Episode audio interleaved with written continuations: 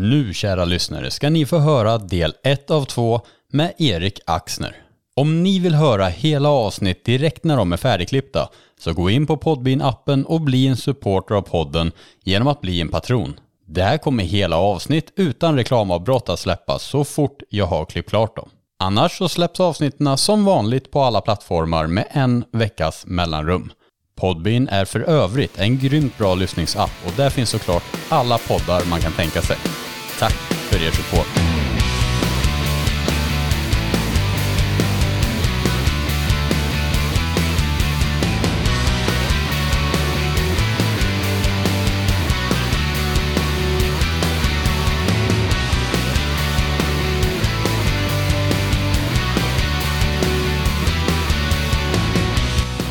Om jag fångar den här då kommer jag typ att dö. Eller bli arbetslös i bästa fall. Ja, Vad hemskt. och han får ju upp den här. Det visar ju sig att det är liksom en eh, 45 kilos hälleflundra ungefär.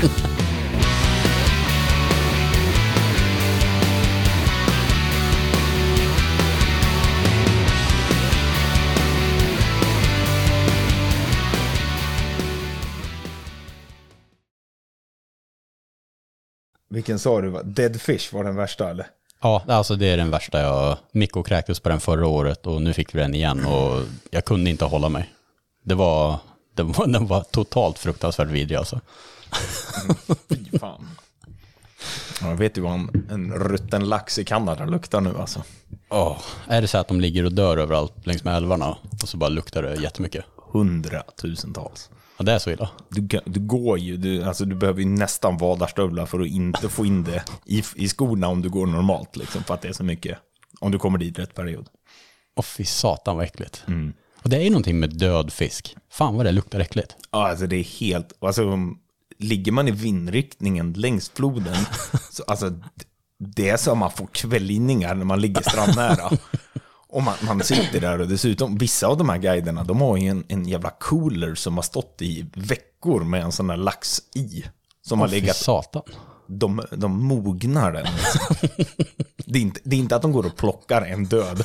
De plockar en död och sen så typ fermenterar de den i sin båt i veckor innan de metar med den. Ja, de gör det med flit alltså. Ja. Och fy satan vad äckligt. Och det är störarna gillar det. Och de äter väl mycket av de här döda laxarna som kommer ner va? De gör ju det. Ja, fy satan. Så jävla äckligt. Ja, vi får se. Eh, Det här snackar vi mer om sen när vi snackar om störfiske. Men uh, Jelly Beans, kan ju, eh, kul att hur Jelly Beans leder in på Fraser River och stör direkt. Nej, du hör ju, det här kommer bli kanonavsnitt. Det är inga problem det här. Det tror jag också. Ska köra lite intro här så får vi se hur det blir. Försöka läsa. Får vi se ifall du tycker den är värdig dig också. Det tror jag säkert.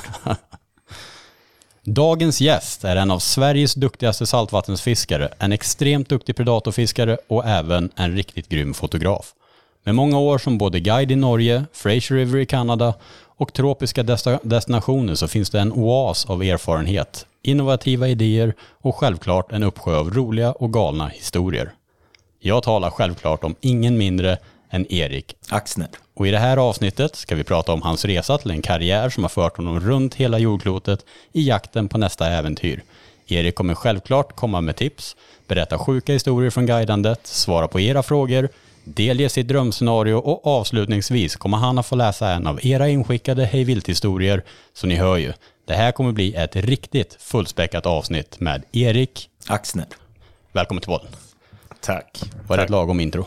Ja, det får jag väl säga. Det fanns väl bara ett misstag och det är väl egentligen att mitt efternamn uttalas Axner och inte Axner. Men det behöver vi inte ta om för det. för det är faktiskt det vanligaste misstaget folk gör, det är att de uttalar det Axner. Ja. det finns ju ingen accent ovanpå e så att det är ju det. grammatiskt helt fel. Så hur exakt ska man säga ditt namn? Axner.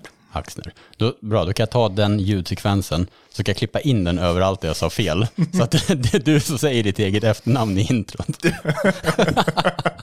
det kommer bli superkonstigt. Men det kan Men, bli eh, rätt roligt också. Ja, det får nog bli det. Så att, nej, men det är ju en perfekt, eh, perfekt beskrivning utav dig tycker jag. Hur är läget med dig då? Jo, men det är bra faktiskt, det är det. det är, ja. Kylan har ju nått hit till, till Skåne också. Mitt eh, fiske ligger väl på is. Bokstavligt talat, jag är ingen jättefantast av, eh, av isfiske eller vinterfiske. Mm. Jag har gjort en del i mitt liv, men absolut inte det som jag brinner starkast för. Nej. Men just nu så sitter vi, vi sitter i Klippan nere i Skåne. Ja, exakt. Vi sitter på, på mitt jobb. Ja. Så just nu är vi på den högsta punkten i Skåne. Vi är väl 12 meter över havet ungefär. Ja, inte långt ifrån i alla fall. Men Ja. Ja. Jag blev förvånad. Det var ju faktiskt rätt mycket snö nu när jag, när jag kom ner här. Eh, jag har aldrig varit i Klippan förut. Ser alltid skylten när jag åker förbi, men... Nej, det är väl Metropol. inget ställe direkt man, man åker förbi. Det, det ligger ju vid sidan av, av E4 så att säga, men det är väl sällan man är inne om man inte har ett ärende. Var det här någonstans som det var det här snökaoset på vägarna här om veckan? Är det nära här? Nej, det kan väl inte säga. Det var på andra sidan Skåne mellan Kristianstad och Hörby. Jaha, var det där borta ja? Men jag var faktiskt ute och körde den eh, kvällen. Jag Jaha. kom från, eh, från Polen, jag hälsade på min bror och så Aha. körde jag hem. Men jag fick ju köra småvägar via Bjuv och undvika alla, alla eh, lastbilar som stod still och allt som, alla bilar som var kraschade och det var ju folk i diken och rondeller och allt möjligt. Det var helt kaos. Det, ja, det var ju helt sjukt. Jag satt ju och läste så på nyheterna på, på kvällen liksom, och man bara, det blev mer och mer kaos. Mm. Folk satt ju i bilen typ ett dygn. Ja, i, i princip liksom. Och de tog in sjukt. bandvagnar och allting. Ja. Så det är inte ofta vi får vinter. Senast det var vinter var väl 2020 när det faktiskt var en gångbar is. Ja, det var så. Mm. Och innan dess så var det ju sju år innan jag ismetade förra gången. Så att, Nej, det är rätt lagom alltså. Så jag har inte heller jättemycket fis, fiske längre. Jag gjorde det jättemycket förr när jag var yngre. Eh, jag tror det är, det är bra att ismeta lite grann. Eh, man får en viss disciplin kring fisket. Man lär sig att det inte alltid liksom tid, alltså det är inte så att det inte finns någon fisk här, de kanske bara inte är just nu. Sitter man en hel dag, då märker man att de här perioderna kommer liksom. man bygger ju på sitt fläsket rejält. Ja, Speciellt då ja, om, man, om man då har taktiken att istället för att flytta runt och leta rätt på dem, att man faktiskt väntar ut de här ofta större individerna. Ja. Och då gäller det ju att ha dels disciplin med vilken fiskeplats man väljer och våga sitta still länge liksom. Utan, att, eh, utan att flytta på sig. Och det är väl en ganska stor kontrast till mycket annat sportfiske där man gärna söker upp fisken istället. Det är få som har mentala styrkan att stå på samma plats och kasta i samma bakvatten eller på samma grynna hela dagen. Mm, psykopatfiske. Exakt. Jag är mer av den. Jag gillar ju att, att aktivt leta och, och söka mig framåt efter individer. Men jag tror att jag själv skulle gynnas lite bättre av att faktiskt ha lite mer is i magen ibland. Eh, Men det där kan ha att göra med, det är svårt att sitta still så. det har nog mycket med det att göra också. Ja, ja, men verkligen, visst är det så. Jag själv är också den som gärna söker upp fisken. Däremot så kan jag gärna lägga mycket tid i områden där jag, där jag tror på om jag återvänder hellre till samma plats flera gånger på en dag. Än att stå fast hela tiden på samma, samma ankring eller på samma fläck. Nej men så är jag också. Så typ att återkomma. jag kan återvända till samma grynna fyra gånger liksom. Bara för att se, har de vaknat eller inte? Ja, det känns bättre än att bara vänta. Exakt. Det här kommer bli ett långt avsnitt. Eh, Jag har kört sex timmar bil och jag har flera timmar kvar. Jag ska till Danmark. Så jag unnar mig en latitud. Du vill inte ha för att du är koffeinkänslig. Jag eh, kommer behöva det här. Det här är deras nya smak. Blåbär. Faktiskt första gången jag provar. Får lite känslan av Vasaloppet.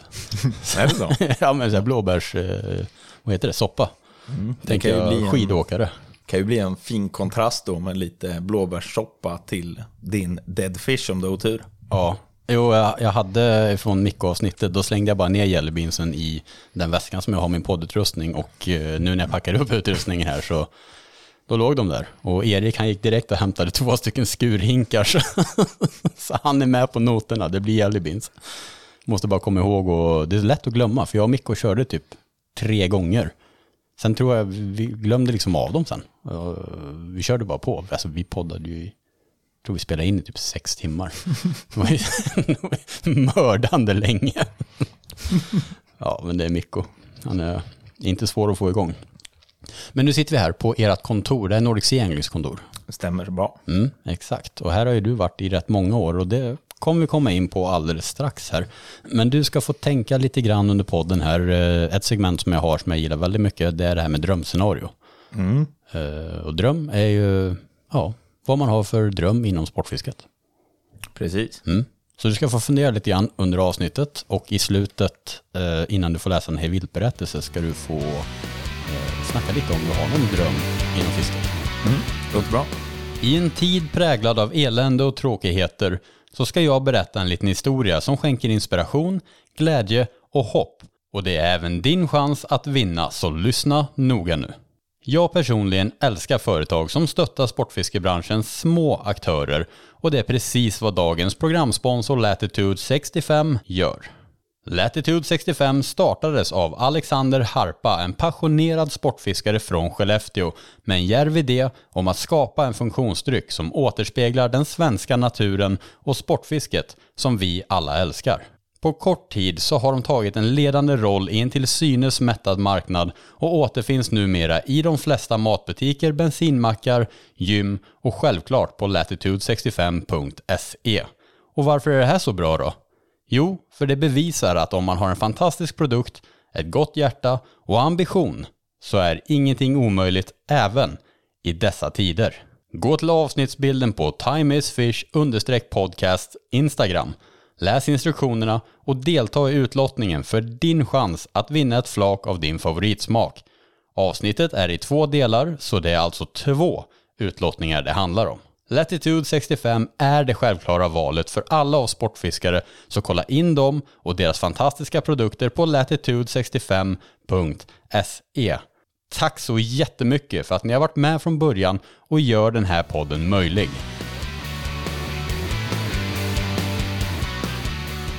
Vad betyder sportfiske för dig? Oh, vilken fråga alltså. Sportfiske är ju, alltså det är ju mer än bara ett intresse. Det är alltså, det är en livsstil.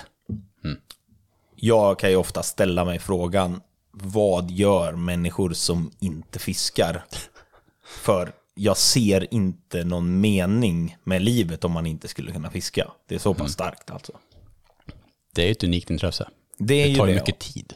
Men det är inte bara ett intresse, för det är en, det är en passion och man dedikerar sig. Och man, alltså, man kan ju vara en, en sportfiskare på, på väldigt många olika sätt. Mm. Man kan ju välja att, att helt enkelt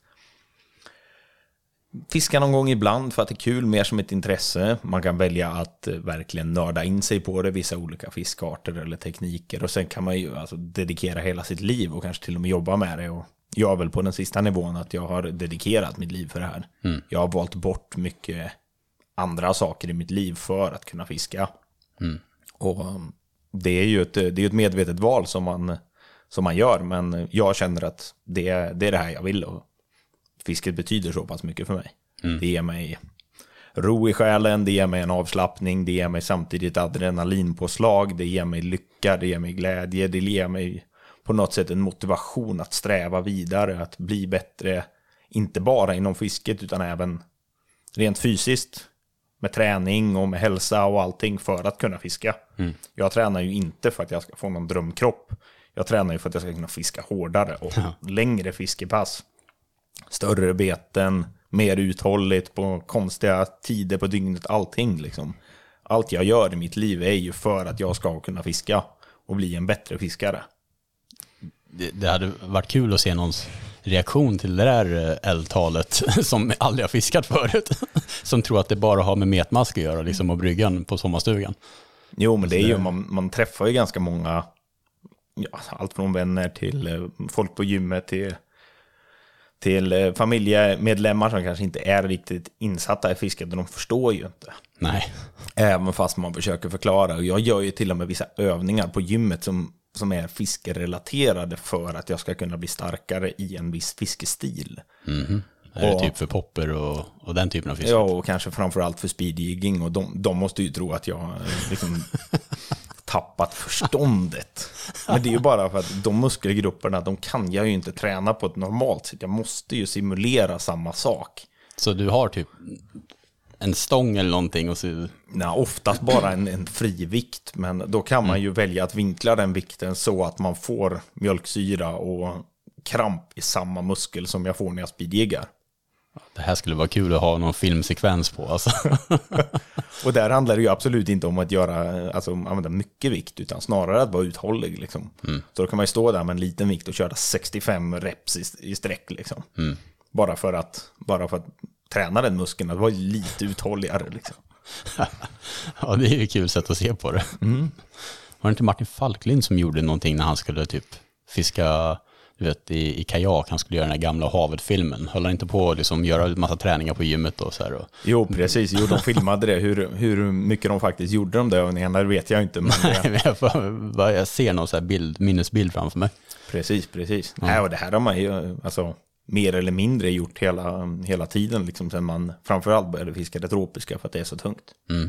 Och tränat mycket liksom, för att ha starka axlar och i bröstryggen och sånt, för det är ju där man ofta sliter ut sig själv ganska fort.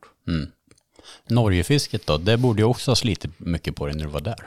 Eh, jo, det kan man väl säga. Både, både för slitet och slitigt, men eh, det, det är ju tungt, det är det.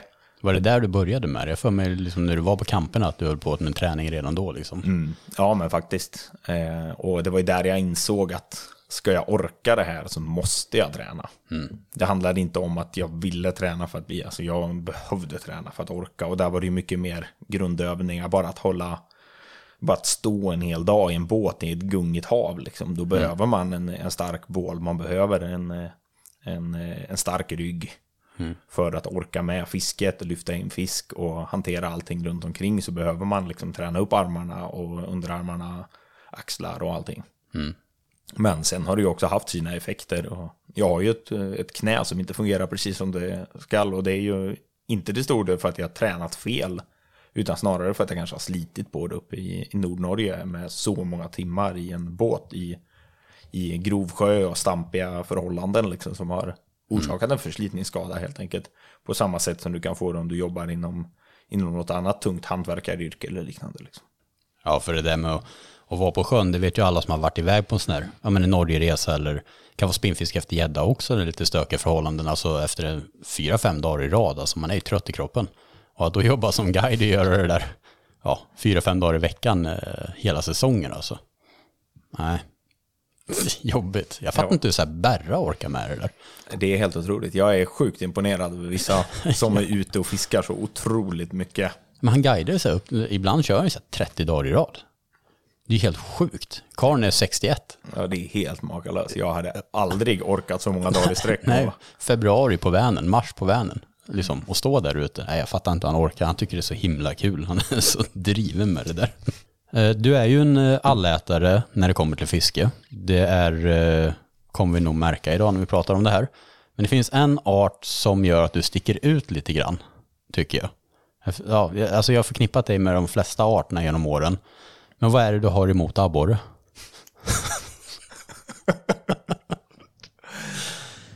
Ja, alltså på något sätt. Jag, jag gillar storfisk. Och för mig är inte abborre en stor fisk. Och nu vill jag inte trampa någon på tårna och säga att deras abborrar inte är stora, för de är jättestora för arten. Och det kan vara en väldigt stor fisk för den arten. Men för mig så är det inte en fisk som potentiellt väger 2 till 3 kilo som störst i Sverige. Det är inte en stor fisk.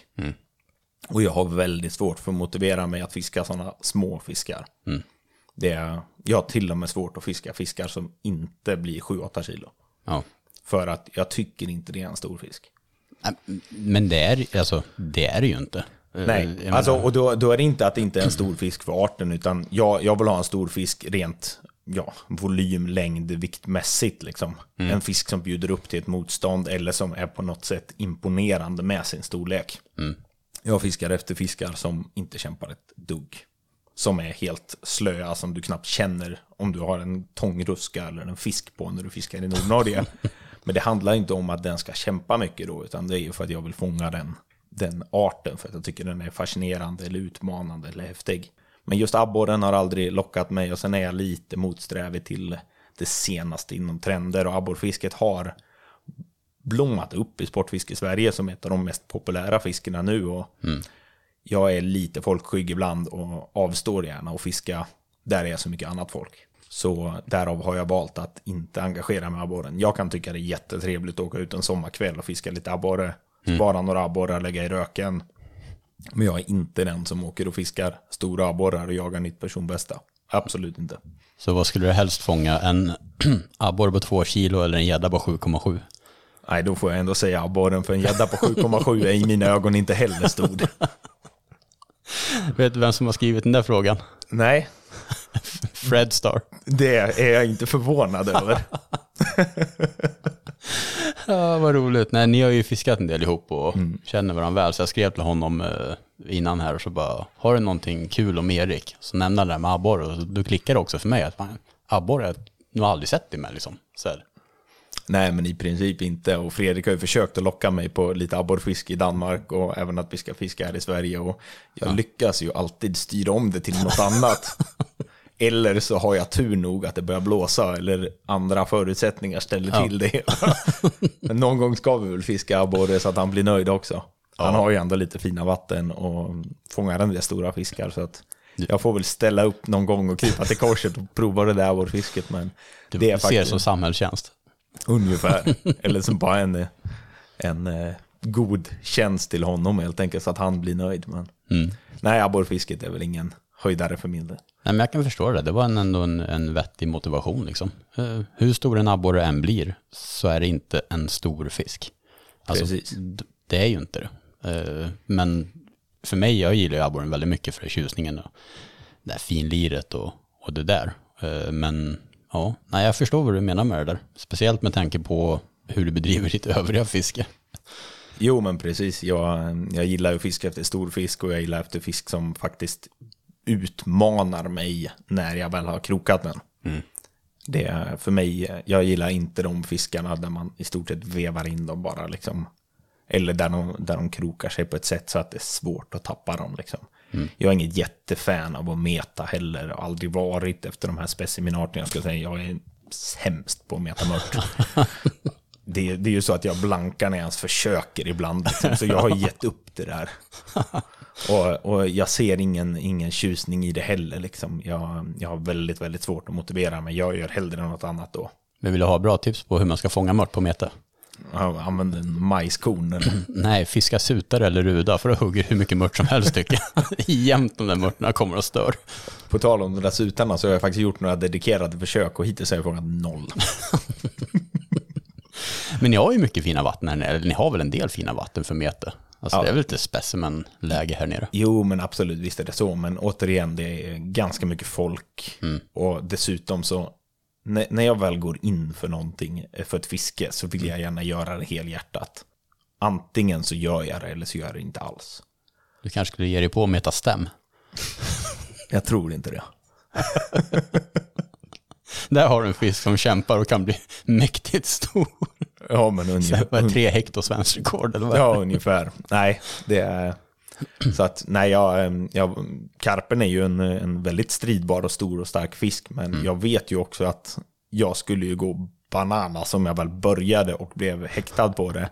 Så på grund av min plånbok och även allt annat fiske som skulle behöva sättas till sidan så, så ger jag mig inte ens in på det. Jag försöker inte ens. För att jag vet att skulle jag bli häktad på det så skulle allt annat bli lidande. Och mitt förråd och alla prylar. Som, de, det finns inte plats för det. Ja, karpfiske också, det är typ... Alltså det finns mycket prylar. Det är helt otroligt. Jag har um, varit ute och fiskat ett par gånger med det och jag har sett alla grejer. Och jag vet ju hur nördig jag kan bli med tackel och knutar och material och olika tekniker och sånt inom annat fiske. Så att jag vill inte ens starta med det där. Jag Jag, jag, jag, håller, håller mig borta. Jag, har provat och jag kan absolut tänka mig att följa med någon och prova och bara se hur det fungerar och så vidare. Men nej, jag, är nog ganska nischad ändå. Även om du säger att jag är bred inom mitt fiske så är jag nog ganska nischad ändå på ett fåtal arter och lägger mitt fokus, fokus där. Sen varierar de i intensitet vad det är jag faktiskt riktar mig på. Men jag är absolut ingen specimenmetare och jag håller inte på och jagar antal arter eller uppfyller massa nya, nya drömmar med nya fiskarter. Utan jag håller mig ganska, ganska strikt i det jag tycker om.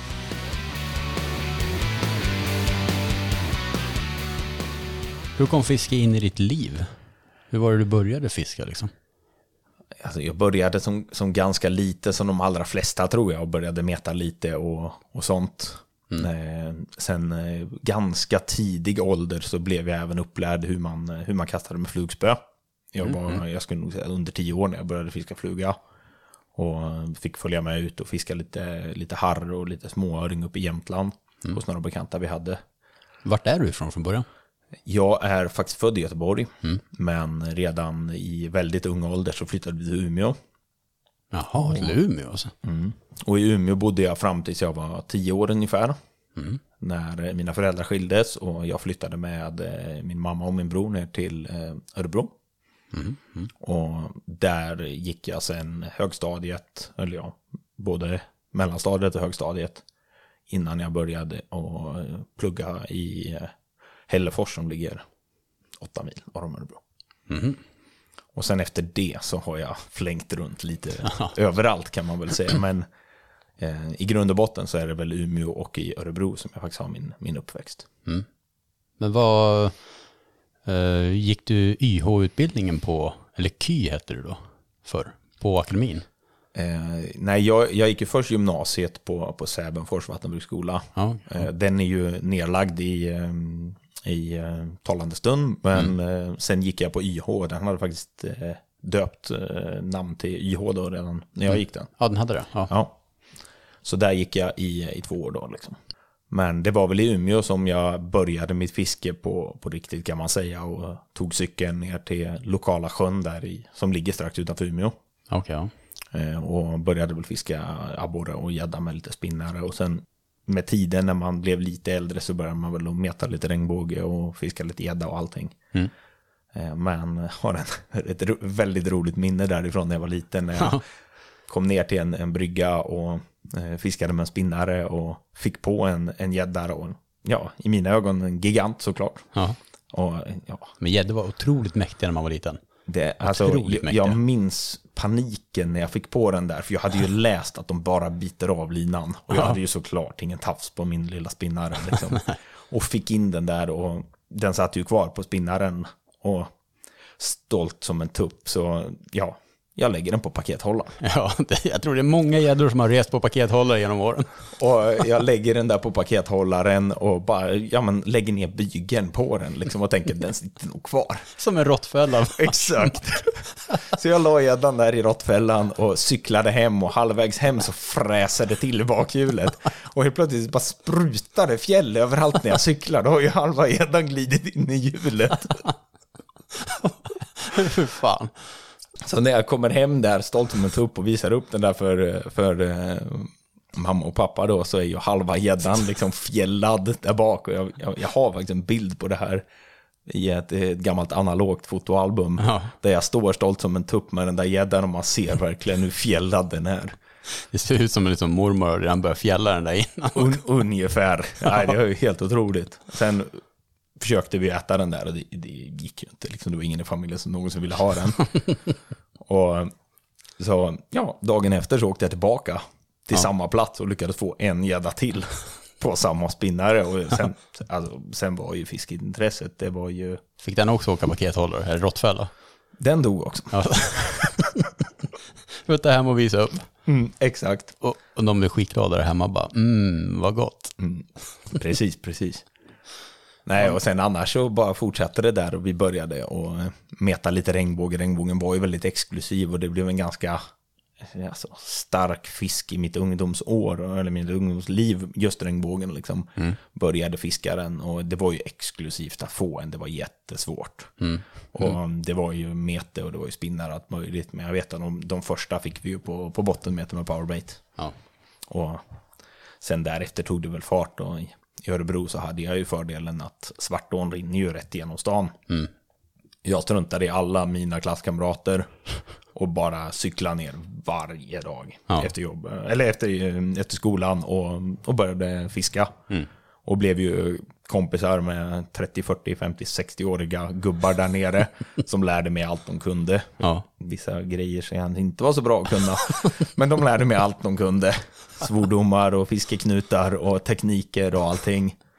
Och eh, min mamma gav nog ganska snabbt upp att jag skulle hålla på med så mycket annat. Hon märkte att han får fiska. Då vet man vad du fokuserar på. Exakt. Ja. Och det var ju samma sak varje helg. Så fort det inte var pissväder så var vi ute och fiskade liksom. Och vi cyklade huller om buller och kors och tvärs genom Örebro. För den där, den där ån rinner ju genom hela stan och långt upp. Så att vi, vi fiskade ju allting. Och vi fiskade på nätter och vi fiskade på dagar. Och att min mamma släppte iväg mig och fiskade mitt i natten. I, eh, i eh, centrala Örebro liksom och vara nere 3, 4, 5 på morgonen. Alltså det, det, jag fattar inte. Det kanske är lite skillnad nu för tiden i Örebro. Jo, jag tror också det, liksom, men även då. Alltså, det var så mycket skumt folk ute på nätterna och man var ju, ibland hade man ju alltså, hög puls för man, man undrar ju vad det är för skummisar där borta. Liksom. Det är inte nyttigt alltså. nej, men på något sätt, nej, det är absolut inte nyttigt, men på något sätt var det ändå, ja men man mognade lite tror jag. Mm. Och, Du och gubbarna. jag och gubbarna. Men sen var det ju en del jämnåriga som jag fiskade med där också. Eh, ett par som jag har fortfarande kontakt med som är väldigt goda vänner än idag. Mm, Kul. Eh, även om vi bor långt ifrån varandra så håller vi regelbunden kontakt. Och ibland då och då när vi har möjlighet så fiskar vi ihop också. Det fisket i Örebro har nog ändå, det har betytt otroligt mycket för mig. Det förstår jag. Och det var väl det som var flykten från vardagen.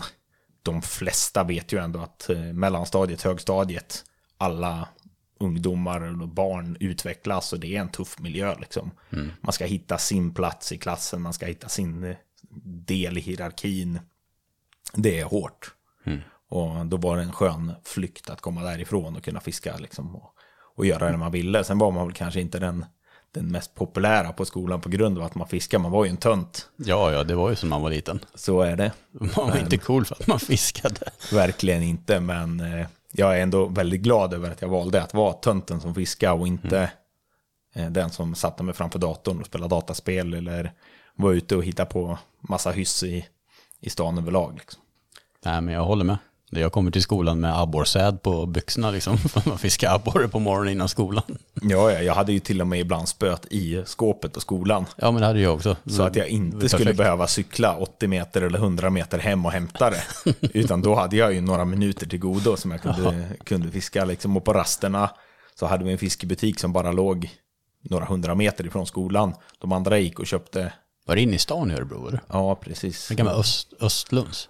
Engelbrektsskolan gick jag på. Den här, eh, det här hette ju Spinnflugan. Spinnflugan. Ja, låg på, eh, på väg bort mot hamn, eh, hamnplan. Och vidare bort mot sjukhuset, den gatan.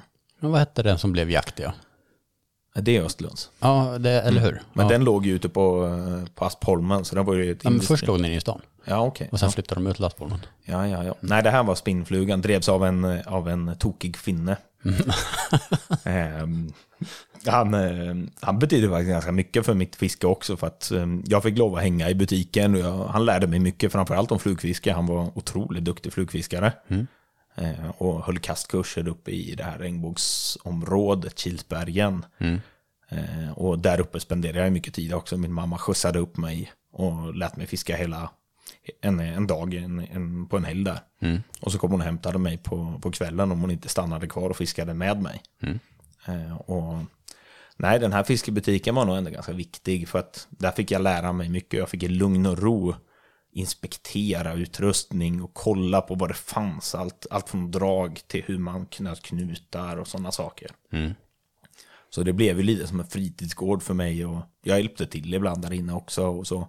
Eh, Sen eh, tyvärr så gick det väl lite, lite snett för den här eh, finnen. Jag tror inte han lever idag. Åh fan. Eh, Men eh, ändå på något sätt en, eh, en viktig, viktig del i min, eh, mitt fiskeliv att jag faktiskt fick lov att hänga där i, i butiken. Och jag gick ju dit på rasterna medan de andra gick och köpte lösgodis så gick jag in och tittade på jiggar. och, eh, Det är så jävla kul att höra alltså. Ja, nej, och jag, jag tröttnade ju på det här liksom att bara, ja men, tuppfighten som fanns i skolan. Man skulle vara starkast och man skulle trycka ner den andra, annars så var man, var man längst ner i, i eh, gruset liksom. Så jag tröttnade på det där, så jag drog mig undan. Drog till Svartån. Jag drog till Svartån. och sen efter det så, eh, så efter högstadiet var klart så, så flyttade jag eh, till internat uppe i, i Sävenfors. Och gick på Sävenfors vattenbruksskola. Och hamnade ju i en klass med likasinnade. Eh, Även om inte alla var lika nördiga som mig, utan vissa ville nog bara komma ifrån och fiska lite på skoltid. Men jag hade ändå bestämt mig för att jag vill göra det här. Min mamma trodde på mig hela tiden, men min pappa var ganska skeptisk. Ja. Ska jag väl säga. Jo, men det, jag tror det är mycket motstånd hemifrån hos folk. Alltså det är nog rätt vanligt att man tycker, bara fan kan du inte bara gå, gå barn och fritid istället eller gå bygg liksom. Ja, fordon. Ja, men precis. Och, eh, jag kände ändå på något sätt att jag ville göra det här för att jag hade en sån stark passion för det. Och jag mm, är glad att min, eh, min mamma faktiskt eh, litade på min magkänsla och lät mig faktiskt leva ut mina drömmar. För hade jag fått två nej så hade det ju inte gått. Nej. Men i det här fallet så bodde jag med min mamma i eh, Örebro och hon hjälpte ju till ekonomiskt för att jag skulle kunna vara där på internatet också. Så jag är väldigt glad över att hon, hon faktiskt gjorde det. Ja, Sen var det ju inte så att min pappa absolut inte, han hindrade mig ju inte på något sätt, men han var, han var väl kanske inte lika glad för det i början. Så här nu idag så är han ju stolt över att jag har nått så långt som jag har gjort. Men han, han var nog inte lika öppen i början ska jag väl säga. Men ja. ja, Men vad, till exempel när du skulle söka gymnasiet, eh, vad heter det? Jag glömmer alltid bort vad det heter. Syokonsulent. syokonsulent Ja. hette det nog. Numera heter det nog typ så här yrkesvägledare om man nu ska hitta Ja. något finare ord. Men i alla fall, jag hade en syokonsulent. Ja, Och det var, ja. faktiskt, det var faktiskt på min skola som min syokonsulent som rekommenderade mig den här skolan. Ja, vad kul att höra. För att hon, eh, hon tyckte att nej men, du har ändå det här intresset och jag sa att jag vill inte gå någon, någon fordon och jag vill inte gå någon estet eller något liknande. Jag valde mellan att gå natur eller att gå det här. Och eh, så här i efterhand så är jag väldigt glad över att hon faktiskt introducerade den, för jag hade nog faktiskt inte kollat upp det själv annars. Nej, för mig var det tvärtom. Jag blev ju motarbetad. Sta- Stanna hemma och gå och bygg liksom. Det var ju liksom, alltså var ju verkligen motarbetad eh, när jag skulle söka till sport, Sportfiskakademin. Så det var ju superkul att höra att du fick liksom, stöttning från skolan också. Det är häftigt.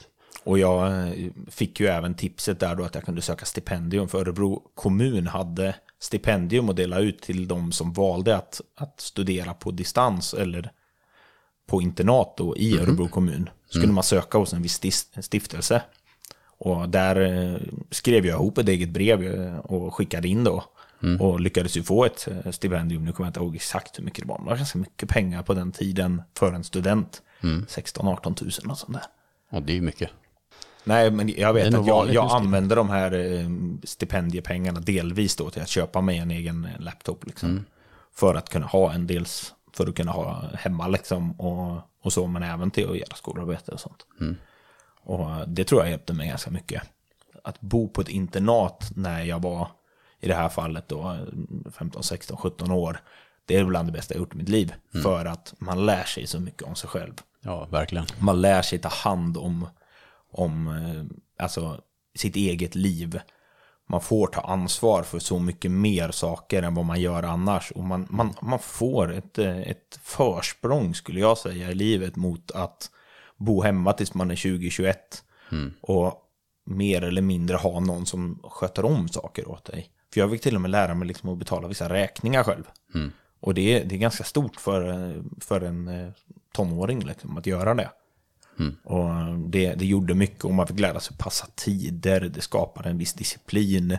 Man var tvungen att själv ta beslut. Nu ska jag sätta mig och plugga. Nu behöver jag göra det här. Jag behöver tvätta, jag behöver handla och så vidare. Man skapade en helt annan struktur och det tror jag har, har format mig ganska mycket till den jag är idag. Att man, man, man fick lära sig själv konsekvenser av att man inte gjorde, gjorde vissa saker att det straffar sig om man skjuter upp saker och ting eller att man inte planerar väl och så vidare. Och det har jag även tagit med mig mycket in i, mitt fiske också. Att, att lära sig det där liksom.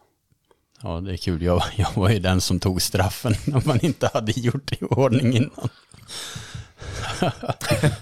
Jo, jag ska väl inte säga att jag var exemplariskt långt ifrån. Jag har också, jag har också lyckats att, ehm, att eh, missplanera eller att ignorera vissa viktiga saker. Då får man ju sota för det. Ja, men man fick ju ta konsekvenserna också. Exakt. Och man lär sig av.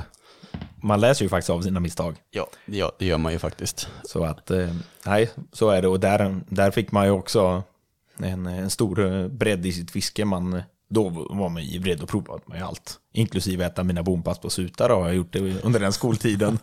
Myggbiten och jävlig, men ja, Ja. det har man ju provat. Och annars så testar man ju runt med tekniker. Och det var ju det var också i den här vevan som faktiskt Sportfiske Sverige började växa lite. Det hände mycket under de där åren. Verkligen, det var ju då jerkbaitfisket slog igenom också. Och jag, jag minns Ja, eftersom jag var från Örebro, dansken som haglade ut sådana här gamla alltså kvastskaftspön och Ja, ja. runda ambassadörrullar till höger och vänster för, eh, för i stort sett inga pengar. Och det var ju liksom jerkbaits i drivor som kom ut på marknaden och det var ju det senaste. Och vi anammade det där ganska fort och började fiska med det där också, även om vi fiskade mycket från land. Så, så var det ändå liksom att där fick man upp ett aktivt spinnfiskeintresse. För tidigare var det ju ganska svårt från landet. Det fanns ju inga direkta jiggar, gummibeten att tala om. Det fanns ju såklart lite tjädjiggar. Men de flesta krokar som var tillräckligt stora, det var ju liksom tunga jiggskallar. Så då fastnade man i botten hela tiden. Ja, det var inte alls utvecklat, men det var i den där eran som det fisket i Sverige gick mycket ifrån specimenfiske. Och gäddfeber var ju startskottet för predatorfiske kan man ju säga. Precis, och det här jerkbaitfisket var ju det som också tog spinnfisket till en ny nivå. Ja, ja. För hade inte vi båt, då vågade man ju inte fiska wobbler. Nej. För då rök de ju. Men Ja, jerkbaiten var dyrt. ju suspending eller till och med flytande. Alltså, Jag kommer ihåg när de här, eh, de här flytande Buster Jerk, Super Shallow Runner kom. Vilken dröm det var. För då kunde man ju fiska från land inne bland näckrosorna och i vassen. Ja. På liksom en halv meters djup. Och var, där stod det ju massor med gädda. Det var ju skithäftigt liksom. Och det hade man ju aldrig kunnat fiska på tidigare. Man stod där och kastade ut, höll spötoppen upp i skyn. Och så fort man fick ett hugg så missade man ju den på grund av att spöet ja, stod ju som en flaggstång upp i luften. Det gick inte att göra ett mothugg. Jag kommer ihåg, jag var så himla rädd. Jag hade beställt beten från Attitude Baits, det var innan dansken ägde det. Eh, och då var det ju några sådana handgjorda Smutley Dog och så- sånt där. Ja. Ja, Jag vet inte vad de kostade. Alltså, på den tiden, då var jag väl kanske 16, de var så dyra. Jag hade råd att köpa två, men då hade jag typ sålt någon spö för att ha råd att köpa dem. och du vet, jag var så, de var så häftiga, de var så fina och du vet, så jassade ner till Klarälven där i Deje och började kasta dem där. Och så fastnade jag såklart med en i en jäkla stock, i någon sån här gammal flottningsstock. Ja, du vet det. Det var inte kul. Nej, jag, jag minns, det här var i slutet av gymnasiet. Jag åkte in till, em, det var när, när Danskens butik låg ute i Lillån där i det här stora köpcentret. Gamla butiken. Ja, precis. Och jag köpte mig en, en Phantom. Gäddfärgad. Och gick iväg och fiskade. Jag hade, jag hade en specifik plats. Här ska jag fiska den liksom. Och vi rodde båten. Fråga mig inte varför vi inte fiskade från båten. Vi rodde båten över sjön och fiskade på land. Men av någon anledning, jag för mig att det var att det blåste, så, så var det så att vi hade inget ankare, det var skitjobbigt när båten drev och så vidare. Så vi, vi ställde oss från land på andra sidan. Först fick jag en, en ja men ändå en hyfsad gädda, typ en fyra kilo stål, liksom, vilket var en bra fisk. Och sen sulade jag in den där i en stock och jag bara, nej. och det slutade ju med att jag hämtade, badade för att få tag i den där. För det var ju liksom, alltså 30% av ett studiemedel var ju den där jerkbaitet. Och jag vet, jag hade så mycket ångest över att den där fastnade liksom. Jag stod där och drog och slet och så vidare. Ja, det var lite annat när man var yngre när man blev av med drag. Alltså. Det, det sved på många sätt. Alltså. Ja, precis. Men un, under den här studietiden i, på Sävenfors så var jag ju inte så inriktad på själva sportfisket. Alltså jag tyckte inte, alltså, det här, med- alltså hade du frågat mig när jag var, gick i tvåan där, liksom, aldrig att jag skulle guida människor. Inte? Nej, nej, nej, inte en chans. Vad hade du sikte på då? Jag valde ju inriktning vatten och fiskevård. Ja, det var så. Och eh, ja, men dels så kan jag väl säga att det var, jag bondade väldigt bra med en av lärarna som hade det här ämnet. Vad hette han? Mats Olsson hette Ja, han. känner igen. Min kompis gick ju där, Ja. Johan Unosson. Ja, precis. Jag, han gick också samma vatten och fiskevård om inte jag minns fel, för han gick i årskullen över mig. Mm, exakt. Och jag tyckte Mats var en fantastisk lärare. Väldigt eh, pedagogisk, väldigt metodisk, lugn. Mm. Ja, men för mig, Johan talar väldigt gott om honom också. Mm. Otroligt kunnig, alltså, alltså ett levande lexikon när det kom till det här. Och det imponerades jag av. Och det gjorde ju också att jag blev väldigt fascinerad av det när han pratade om det. För att han gjorde det med en, med en, stor glöd. Och sen var det en klasskamrat som, som faktiskt är... Jag har mycket att tacka för att jag, jag är här där jag är idag också. Eh, som valde samma inriktning och, och vi bondade väldigt starkt. Vem är det då? Han är Marcus Gillström. Jobbar han med fiskevård nu och sådär? Nej, han jobbar inte med fiske överhuvudtaget. Eh, Men han är på sätt och vis hjälpt mig dit jag är idag i alla fall. Men vi fiskade otroligt mycket hemma hos honom i, eh, utanför Motala. Vi fiskade på Boren, fiskade Motala kanal. Fiskade faktiskt en del abborre då. Men eh, målet var gädda och när vi kom ut med hans båt och började fiska de fria gräsflaken på Boren med jerkbait så, så gädden hade jag aldrig sett något liknande. Och Det måste vara fruktansvärt häftigt. det var så häftigt och jag lyckades, eh, lyckades fånga min första tia med honom också på Boren. Ja, häftigt. Eh, och nej, vi, vi hade makalösa tider och vi eh, blev halvt fotbollshuliganer och hockeyhuliganer tillsammans också när vi gick och tittade på Linköping och, och, och så inne på Cloetta Center. Och, nej, vi, vi bondade riktigt starkt och det gjorde att då, då kändes det mer motiverat att också plugga med honom för man gjorde ändå ett, ett examensarbete ihop som en grupp. Vi var tre som valde den inriktningen, en kille som är Jonas också. Björklund, bor i Västerås, fiskar en hel del gädda nu också, duktig fiskare. Och det var väl fram tills vi började läsa mikrobiologi och genetik. och på något sätt så, alltså, det var som att någon drog en blöt filt över mig. Och jag insåg bara, "Fy, det här var inte roligt. För när vi kom till mikrobiologi och genetik så blev det bara, usch. det var så alltså? Ja, jag vet, jag vet inte vad det var som gjorde det, men jag, jag blev så omotiverad just på den kursen. Alla andra kurser hade jag ett stort driv och jag pluggade stenhårt. Jag ville lära mig allt för jag ville verkligen förstå allt. Och det, var, det handlade inte om att, att jag skulle ha bästa betygen eller något, utan jag ville bara lära mig. Jag ville kunna det här. Och eh, dessutom så hade ju min pappa gett mig en motivation att för varje MVG, alltså det vill säga högsta betyg på den tiden, du får så får du ett par hundra spänn för varje kurs du drar dig.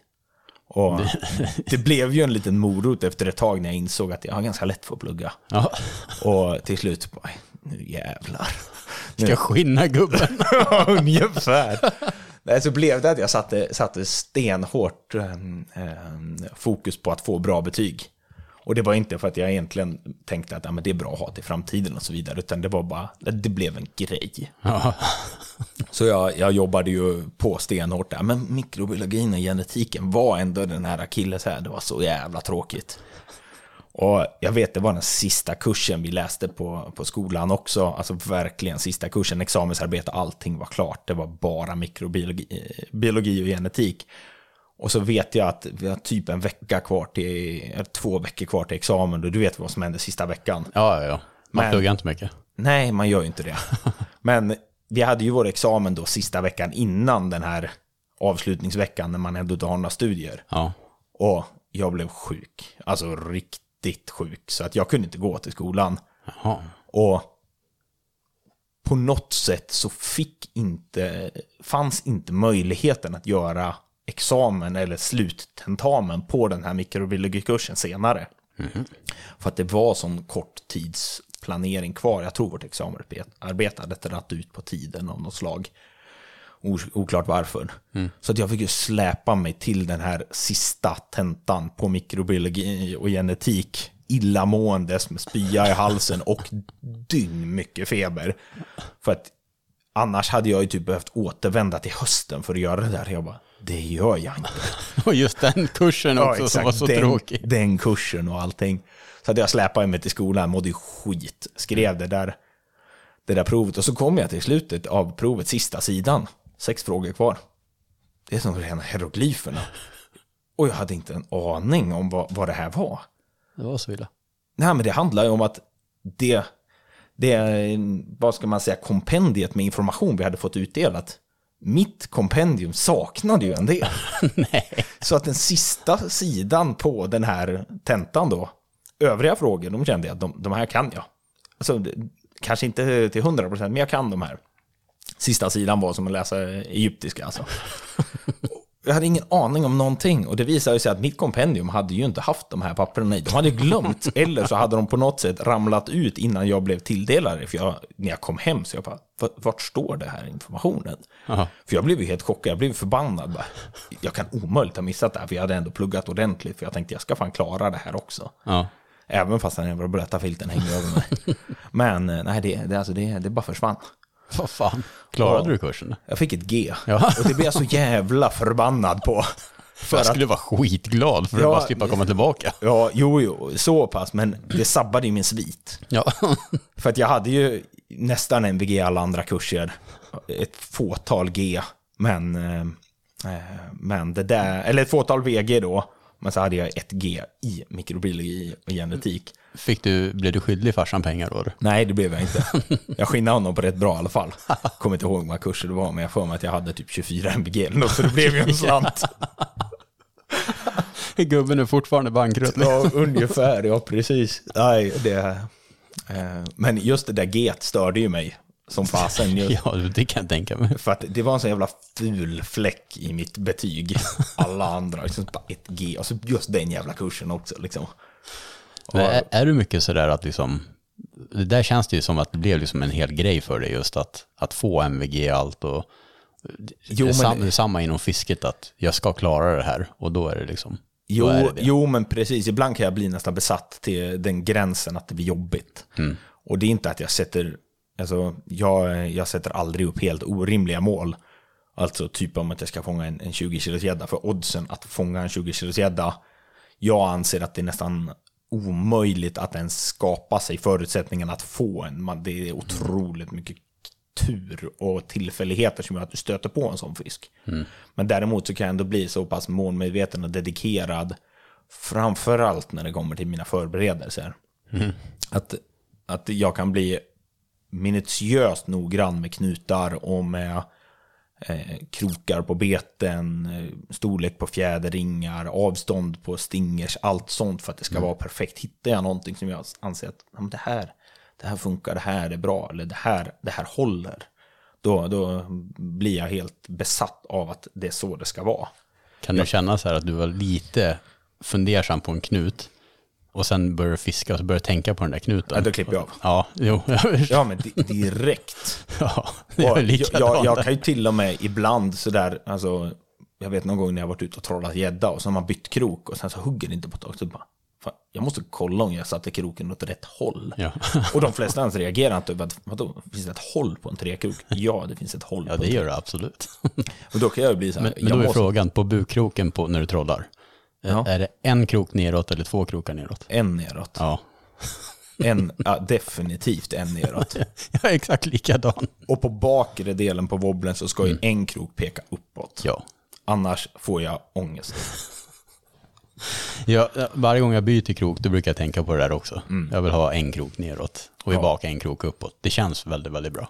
Ja, ja, precis. Men det, det ibland kan det bli när jag sitter och förbereder tafsar eller någonting. Framförallt de här typ havsfiskar och så vidare. Alltså, de, de ska bli lika långa. Jag har liksom vissa mått, så här vill jag ha det. Har du skrivit upp maten? Nej, det finns i huvudet. Skriva upp. Den dagen jag glömmer det, då slutar jag fiska. Det där, det där sitter inprintat, så är det bara liksom. Har du lätt för att minnas saker?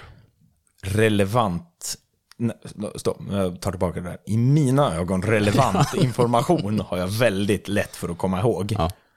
Andra saker som i mina ögon är väldigt orelevanta, de, eh, de eh, glömmer jag väldigt lätt bort. Eller snarare inte ens försöker komma ihåg. Alltså typ, ja, men vem som var liksom skådespelare i en film eller vilken artist som har gjort en viss låt Ja. det finns inte för mig alltså, ens ägna minneskapacitet för att komma ihåg sådana saker. För att Hur lång är tafsen då när man, när man trollar? på gädda, Ja. alltså det, den ska ju gärna vara, alltså om vi talar flokarbon då, så ska den ju gärna vara 60 centimeter eh, med alltså knutarna åtdragna, inte 60 meter kapat material, för då blir den kortare, utan Ja. gärna 60, 60 färdigknuten liksom. Det tycker jag. Vid eh, popperfiske på GT då? alltså knuten får absolut inte gå innanför första ringen närmast rullen om man säger så. Utan den ska ligga mellan första och andra ringen på rullen och sen ska ju poppen hänga mellan 80 cm och en meter utanför.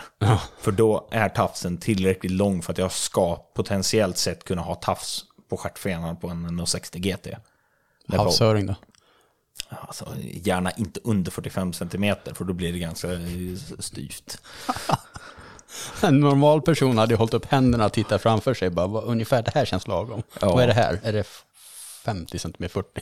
Ja, ja, nej, man har väl vissa defekter så att säga. Men på något sätt så gör det mig ändå ganska, alltså när jag väl har det här intunat eller när jag har det här liksom, men det är som jag vill, då, då kan jag verkligen släppa allting och bara fokusera på fiske. Men däremot ska jag störa mig på, framförallt det här med typ en slökrok, det går inte alltså. Fiska havsöring och alltså har jag ens noterat att kroken är minsta lilla slö, då kollar jag ju inför varje kast, har den blivit slöare? Och till slut så bara kommer jag på mig själv, bara, men, men byt krok. och så byter jag krok och sen så kan jag fiska i, liksom, tills att jag stöter i botten igen och då måste jag kontrollera kroken. Men har jag väl börjat tvivla på den så är det väldigt svårt att sluta tvivla. Och det där, det där är jobbigt ibland, men det är också min styrka ibland att när jag väl känner att nu är det bra, då kan jag bara mala på. Då kopplar jag bort allting runt omkring och så blir man lite, lite maskin över hela. Till exempel det här med vassa krokar tycker jag är väldigt skönt. För det är också noga med att kolla. Efter jag fiskat gädda några dagar, då kan inte jag låsa upp min telefon med tummen för att den är helt trasig. eh, Från att känna på krokar. Men det som, varför man gör det för min del, är ju för att när man väl har krokat en fisk, skulle man tappa den, då vet man att man ändå har gjort det som man kan. Exakt, det är precis det. Jag kan, inte, alltså, jag kan inte förlåta mig själv om jag har slarvat med någonting och jag vet om att jag har slarvat. Exakt. För att det, då känns det som att då slösar jag bort min tid. Då kan jag lika gärna skita i att fiska. Ja, men då har man ju inte gjort det man ska. Nej, precis. Och då har jag inte gett mig själv rätt förutsättningar. Liksom. Ja, Så. Intressant. Vad hände efter Sävenfors och det då? Då sökte jag ju direkt in till eh, Forshaga. Ja, du gick direkt till Forshaga därifrån. Exakt, direkt Okej. samma, eh, samma höst efter eh, så sökte jag in dit. Och då hade jag ju efter den här mikrobiologi-filten som hängde Det över känns mig. verkligen som att det här var en Ja. sån jäkla fartgupp för dig. Det var ju det. Eh, och jag skulle nog bara säga att jag tyckte på att det här med mikrobiologi och genetik var så tråkigt. Det var ju kul med liksom provtagningar och kunna se konkreta resultat eller mätvärden och sånt. Men alltså allt det andra, det var så tråkigt. Så att då sökte jag till, eh, till YH och hamnade återigen med likasinnade. Mer passionerade nu, för nu var det ändå människor som var lite vuxna. Och det var ju alltså blandad ålder på de som gick i min klass.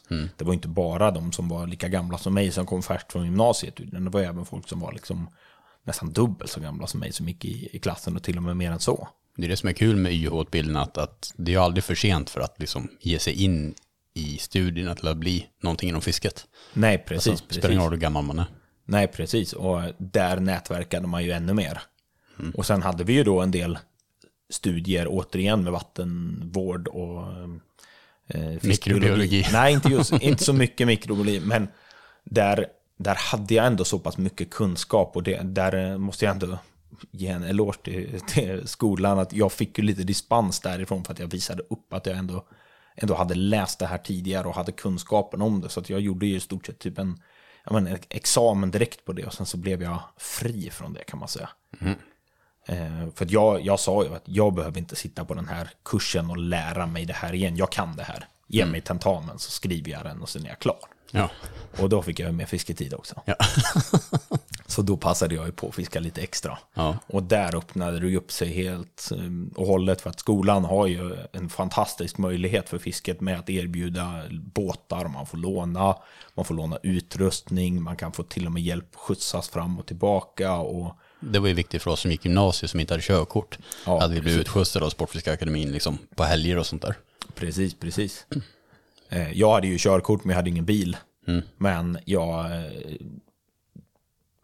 fastnade ganska fort för en, en klasskamrat då som vi, vi hade samma mål. Och vi bägge gillade stor fisk. Vi fiskade inte massa annat trams i mina ögon. Vi fiskade stor fisk och det gjorde att vi dedikerade oss på ett sätt tillsammans som gjorde att vi hade samma mål. Och det, vi gillade ju att fiska, fiska storgädda framför allt liksom. Men vi gav oss även ut och lånade någon båt och trollade lite lax och lite öring ute på Vänern och sånt. Men det var ju gäddfisket som, eh, som var det stora liksom. Och vi fiskade ju både Klarälven och de stora sjöarna och så vidare. Eh, och även då de här klassiska skolsjöarna. Och det var väl där som, som man fick verkligen den här dedikationen för storfisk. För att vi, vi fiskade på ett sätt som man inte fick några små.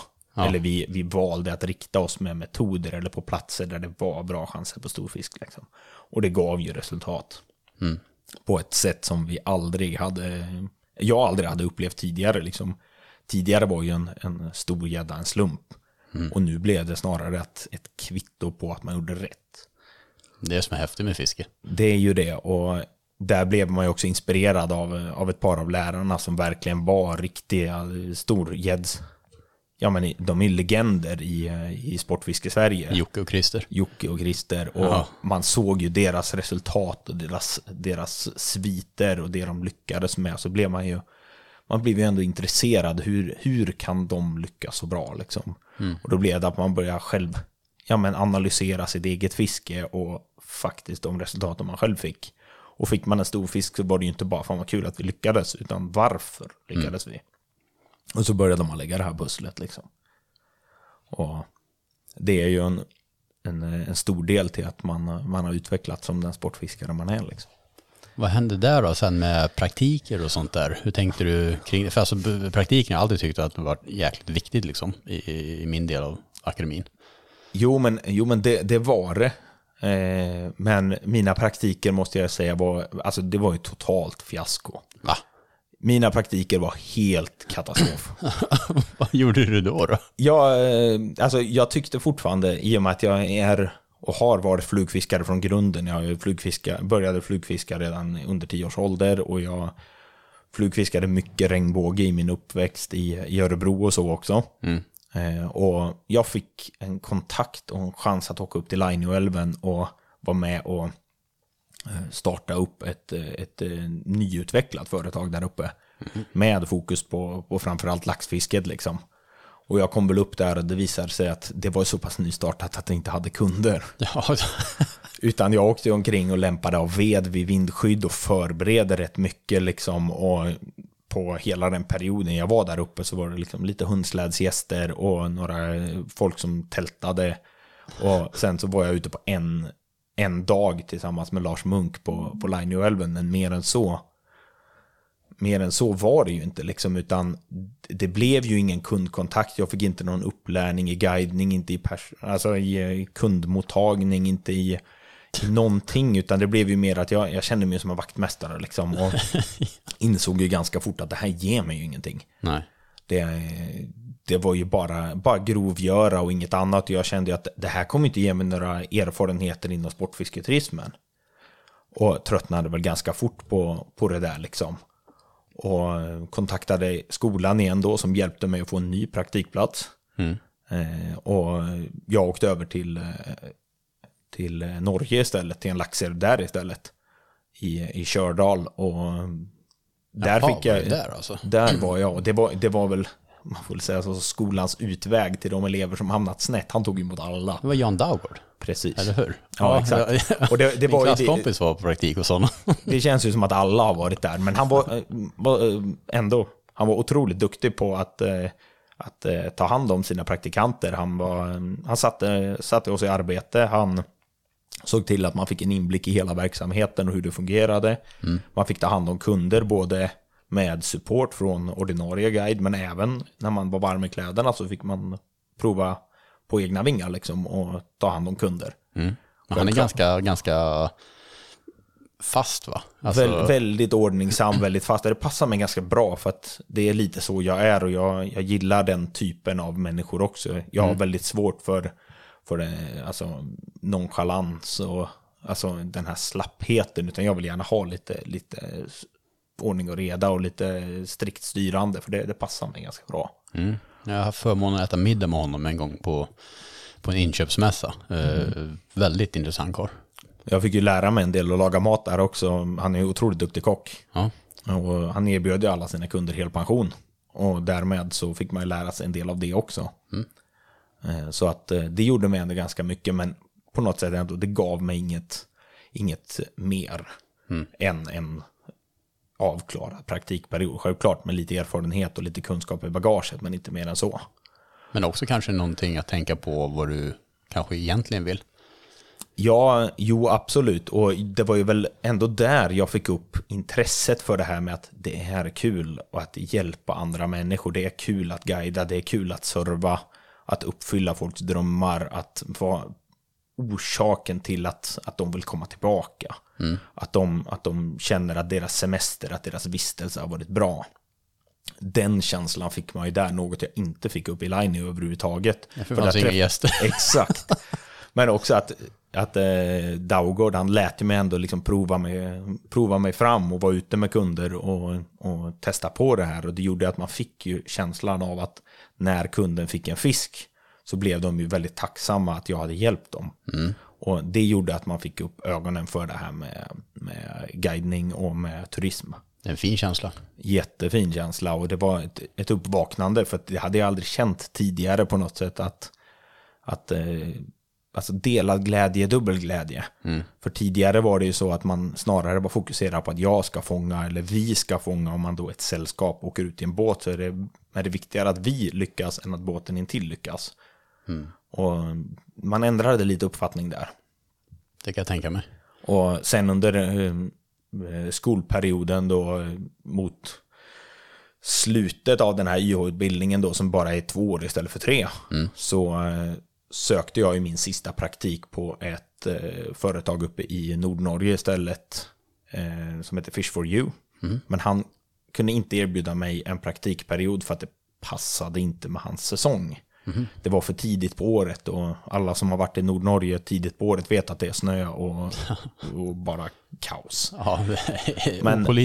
Men han erbjöd mig en lärlingstjänst istället mot att jag slutade skolan lite tidigare och så fick jag komma upp och jobba som, som lärling. Det gjorde mig absolut inte någon eh, ekonomisk vinning direkt men jag fick chansen att, att vara lärling och följa med ut på en båt och lära mig ännu mer om hur man tog hand om kunder. Och, så att jag tog den chansen, jag pratade med skolan, jag fick till och med dispens för att lämna skolan lite tidigare. Må- Jag självklart avslutar alla mina eh, kurser och fick godkända betyg och, och liknande från skolan, men jag var inte med på den sista avslutningen och så vidare, utan jag åkte till Nordnorge och började jobba. Och jobbade då som lärling och var där under, eh, under ett par månader under den sommaren och fick vara med ut och fiska efter hälleflundra, för det var hans specialitet. Stor hälleflundra i Tromsö och han var väl den på den tiden som hade allra flest riktigt, riktigt stora hälleflundror landade i sin båt. Hm, coolt. Och eh, fick ju upplärning från ett, eh, från ett proffs liksom, på hur, hur det här fungerar. Och han fiskade ju enbart med jigg, absolut inget eh, naturligt bete eller någonting, utan det var jiggfiske som gällde. Med en dedikation och ett fokus på stor hälleflundra som, som få andra människor tror jag har. Och det gjorde att jag fick ju en otrolig kunskapsbank inom havsfiske och framförallt på hälleflundra ganska tidigt. Sen visade det sig att han, han hade ju bara en båt och han körde den själv och han var ju sitt eget varumärke. Han hade ingen kamp utan han hade en båt, sålde två till fyra platser på båten med allting inkluderat och därmed så, så var ju mina chanser att få en anställning i princip noll. Men på något sätt ändå så hade jag väl kunnat eh, avlasta men jag hade aldrig kunnat liksom jobba med det jag ville och då, då valde jag att avsluta det där och åka hem. Och eh, kände väl att ja, okej, vad ska jag göra nu då? För att det kändes ändå som att jag kan vara där uppe, det är häftiga upplevelser och så vidare, men det är ändå inte det här som kommer leda mig någonstans. Så att jag åkte hem och min mamma hade då flyttat till Skåne, där vi nu är nu. Hon bor utanför Kristianstad, så jag flyttade dit för jag hade ingen bostad någonstans. Och började jobba på bemanningsföretag och tog egentligen exakt vad som helst för att få in pengar i plånboken. För det var, det var, det var skralt alltså. Det, jag hade lite pengar sparade och investerade det i en, eh, en bil. Som jag faktiskt köpte av, eh, av eh, Marcus Gillströms eh, föräldrar. Jaha. Som jag fick köpa till ett eh, otroligt billigt pris. Men det gav mig också möjligheter att, att eh, ta mig till olika jobb. För här i Skåne så är det ju, bor man som de gör på landsbygden så behöver man en bil för att kunna åka och jobba. Och jag jobbade på eh, någon fiskebutik en liten period och jag jobbade på Kiviks musteri och stod och eh, plockade flaskor och malde bär till saft och allt. Alltså, jag gjorde vad som helst för att få pengar liksom. och eh, sen kom då vintern och det var ju vintern, eh, nu ska vi se, det är 2011-2012. Eh, och då hörde Marcus Gillström av sig, han hade flyttat till Stavanger till södra Norge. Och han hörde av sig och sa bara du fan vad man tjänar pengar här. Och jag bara varför sliter jag då här på Kiviks musteri liksom? Så att jag tog Och min... kramar äpplen hela dagen. Ja, un ungefär liksom. Ja, ja, jag satt i äppelrännan på Kiviks musteri. Det är en mörk liten kulvert under hela byggnaden. Där man satt på en pinnstol och det droppade vatten från taket. Det var typ fyra grader och mitt jobb var med en plasthandske och så trilla bort de ruttna äpplena. Där satt jag. Och det var till och med liksom Arbetsmiljöverket sa att du får inte lov att sitta där nere mer än 45 minuter i sträck för det är för kallt. Så då fick jag en kvarts obligatorisk rast i timmen för att gå upp och sätta mig i fikarummet och värma mig. Så jag kände ju att nej, okej, sitta där i den kalla äppelrännan, det är nog inte riktigt min grej. Så jag åkte till Stavanger i, i södra Norge och återigen sökte jobb på bemanningsföretag. Innan hade jag varit i eh, Linköping och tagit ett truckkort bara för att en eh, truckförare, det, det är eftertraktat i Norge, det tjänar man bra med pengar på. Då kan man jobba vad som helst. Och jag skrev in mig på de här bemanningsföretagen innan jag åkte och innan jag var framme så hade jag typ sex stycken jobberbjudanden. Oj jäklar. Det var verkligen en, eh, alltså det var en sån marknad så att vem som helst kunde få jobba om man hade rätt behörigheter och i det här fallet ett truckkort. Så att jag började jobba eh, direkt där och helt plötsligt var ju lönerna nästan dubbelt så höga som, som eh, här i, i Sverige liksom. Ja. Och Marcus erbjöd mig att bo hemma hos honom och hans flickvän. Jag fick hyra ett rum till ett väldigt billigt pris. Och sen jobbade jag på där i, i fyra månader, eller fem nästan. Och bara sparade så mycket pengar jag bara kunde. Och, och slet järn. Jag hade till och med två jobb en period. och Bara, jag bara körde på. Och då hade jag inga tankar på att, nej men, fiske, fiskeguide, jag hade lagt det lite åt sidan liksom. Jag bara, äh, vi får väl se vad som händer, men just nu så ska jag bara jobba och, och komma på, på fötter igen liksom. Eh, och då var det en eh, klasskamrat från, eh, från akademin som hade fått jobb här på Nordic Sea Angling. Som hade tipsat min eh, chef då om att, att jag hade varit i Nordnorge och haft fiskat. För det hade ju synts på dels Facebook och även på den här killens blogg då. Fish for you. Och då fick jag ett erbjudande att komma upp återigen som lärling på Nordic Sea Angling och, och var där hela säsongen 2012 på Söröja. Ja, då på Sörö alltså. Ja, då hade vi camp på Söröja den, den tiden. Så att jag fick komma upp och, och jobba tillsammans med, med Johan Mikkelsen på Söröja, det året. Men eh, jag var ju lärling så att jag gick ju mer som en, en frivillig praktikant där uppe. Men kände att det här är min chans. Och med alla de här slantarna jag hade jobbat ihop i, i Norge, som bara satt på mitt bankkonto, så, så sa jag till, till min mamma bara att alltså, jag måste chansa. Det här, det här är min sista chans. Lyckas inte det här så skiter jag i det här nu. Då, då gör jag något helt annat efter det. Då läser Mikrobiologi. Ja, allt utom det möjligtvis. Men då var det typ, ja men då tar jag teknisk bas och läser upp någonting på, på komvux och sen eh, gör jag en annan karriär i livet men jag måste chansa liksom.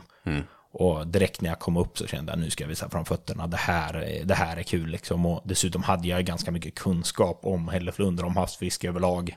Hade Nordic redan flera kamper då? Eller var det bara där? Nej, Söröja, eh, Havöysund, Tromsö fanns då. Okej. Mm. Eh, Och jag fick ju redan under mitt första år vara på, på alla tre kamperna.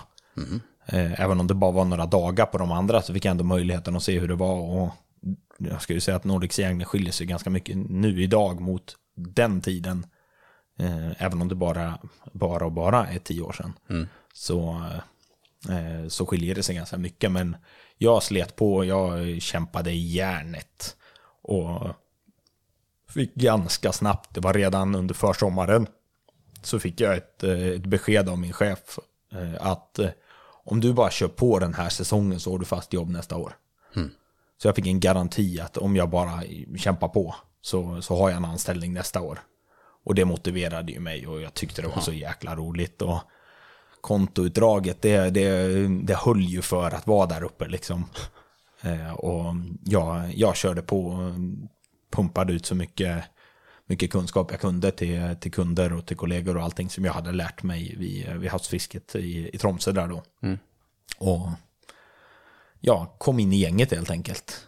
Och eh, 2013 där då så, eh, så fick jag min anställning på Nordic Sea Angling och sen dess har jag faktiskt varit här på, på företaget.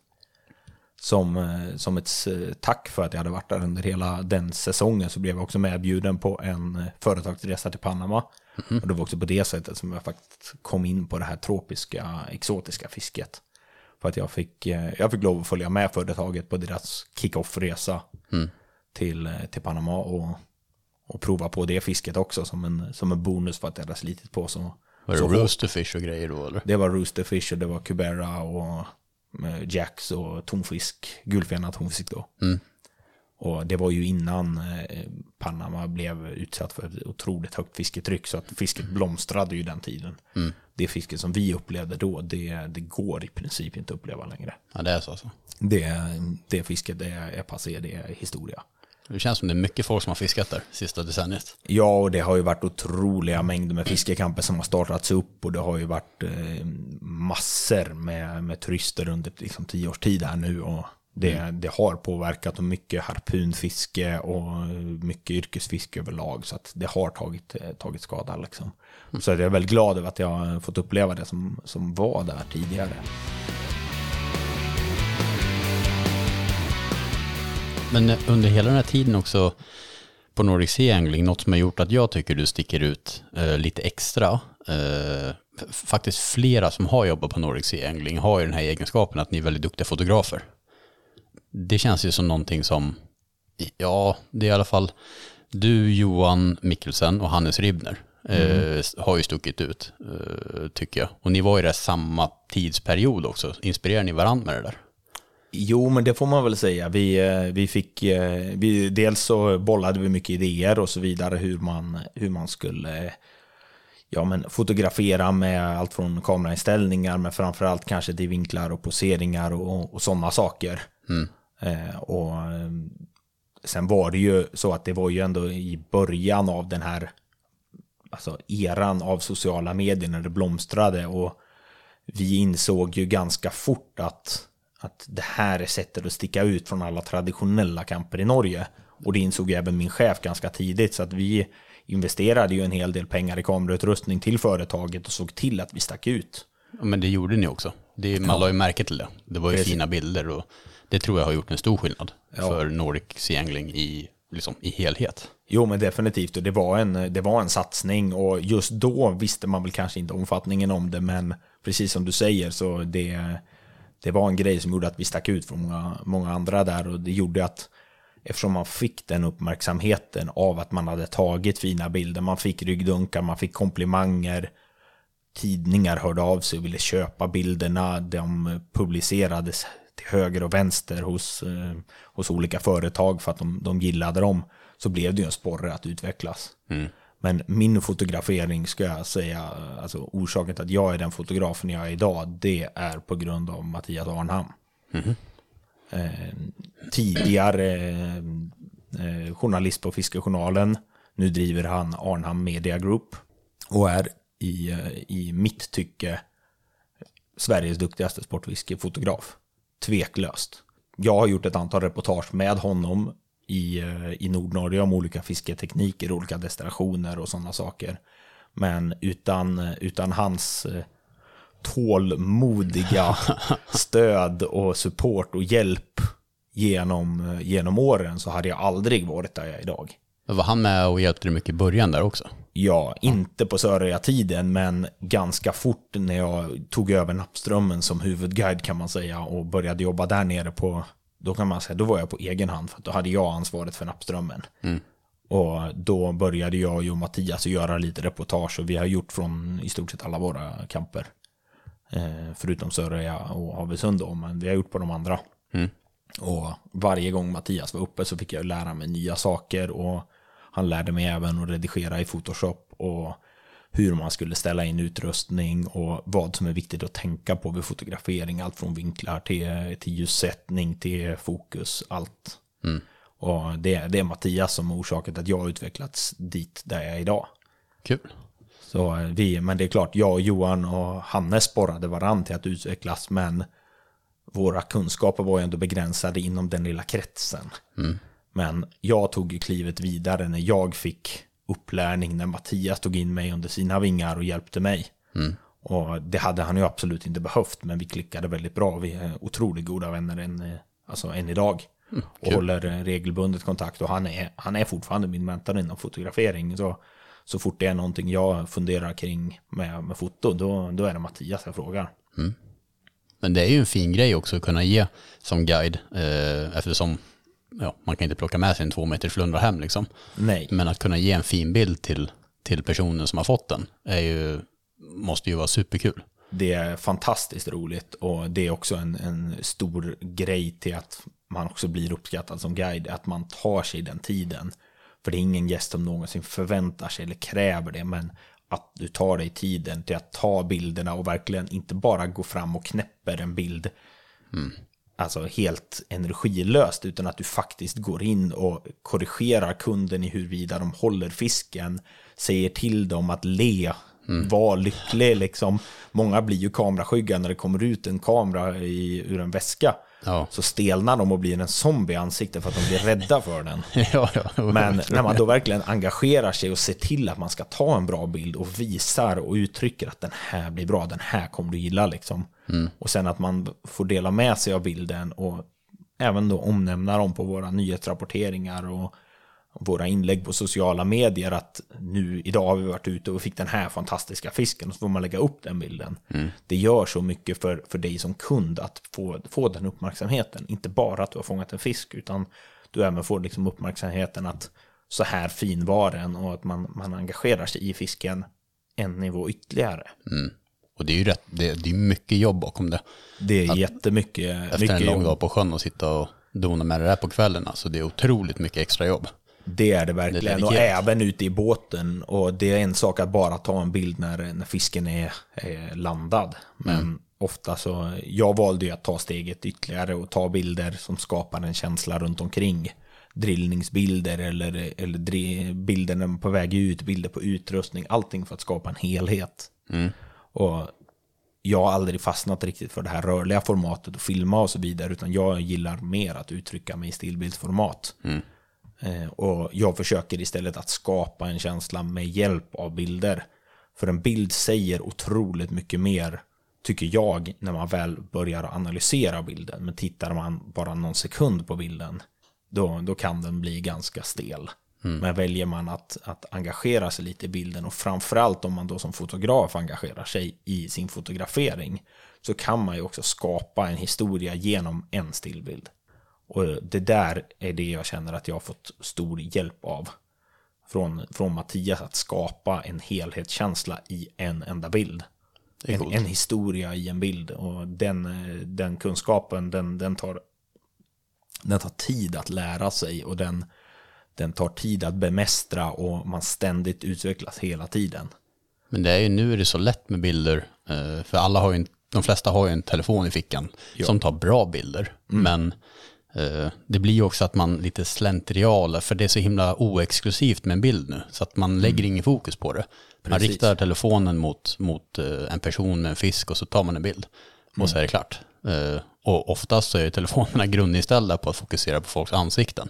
Ja, Så att du har en suddig fisk i famnen och ett skarpt ansikte när det ska vara tvärtom liksom. exakt. Eh, Så mm, bilder blir ju så lidande nu för tiden tycker jag. Så att när man ser någon ta riktiga bilder med en riktig kamera. Alltså man blir, det blir så exklusivt. För att, Jag är helt enig och dessutom när det kommer till alla de här olika filter, olika ja det är så mycket som förstör bilderna. så mycket både filter som förstör själva personen och fisken men också alla de här olika apparna som har kommit upp nu där man kan ta bort bakgrunden och man kan skapa ka- skapa känslan av ett kort skärpedjup när man istället Ja. istället för att skapa känslan av ett kort skärpedjup så förstör du hela bilden genom att använda det här att Porträttläge kallas det.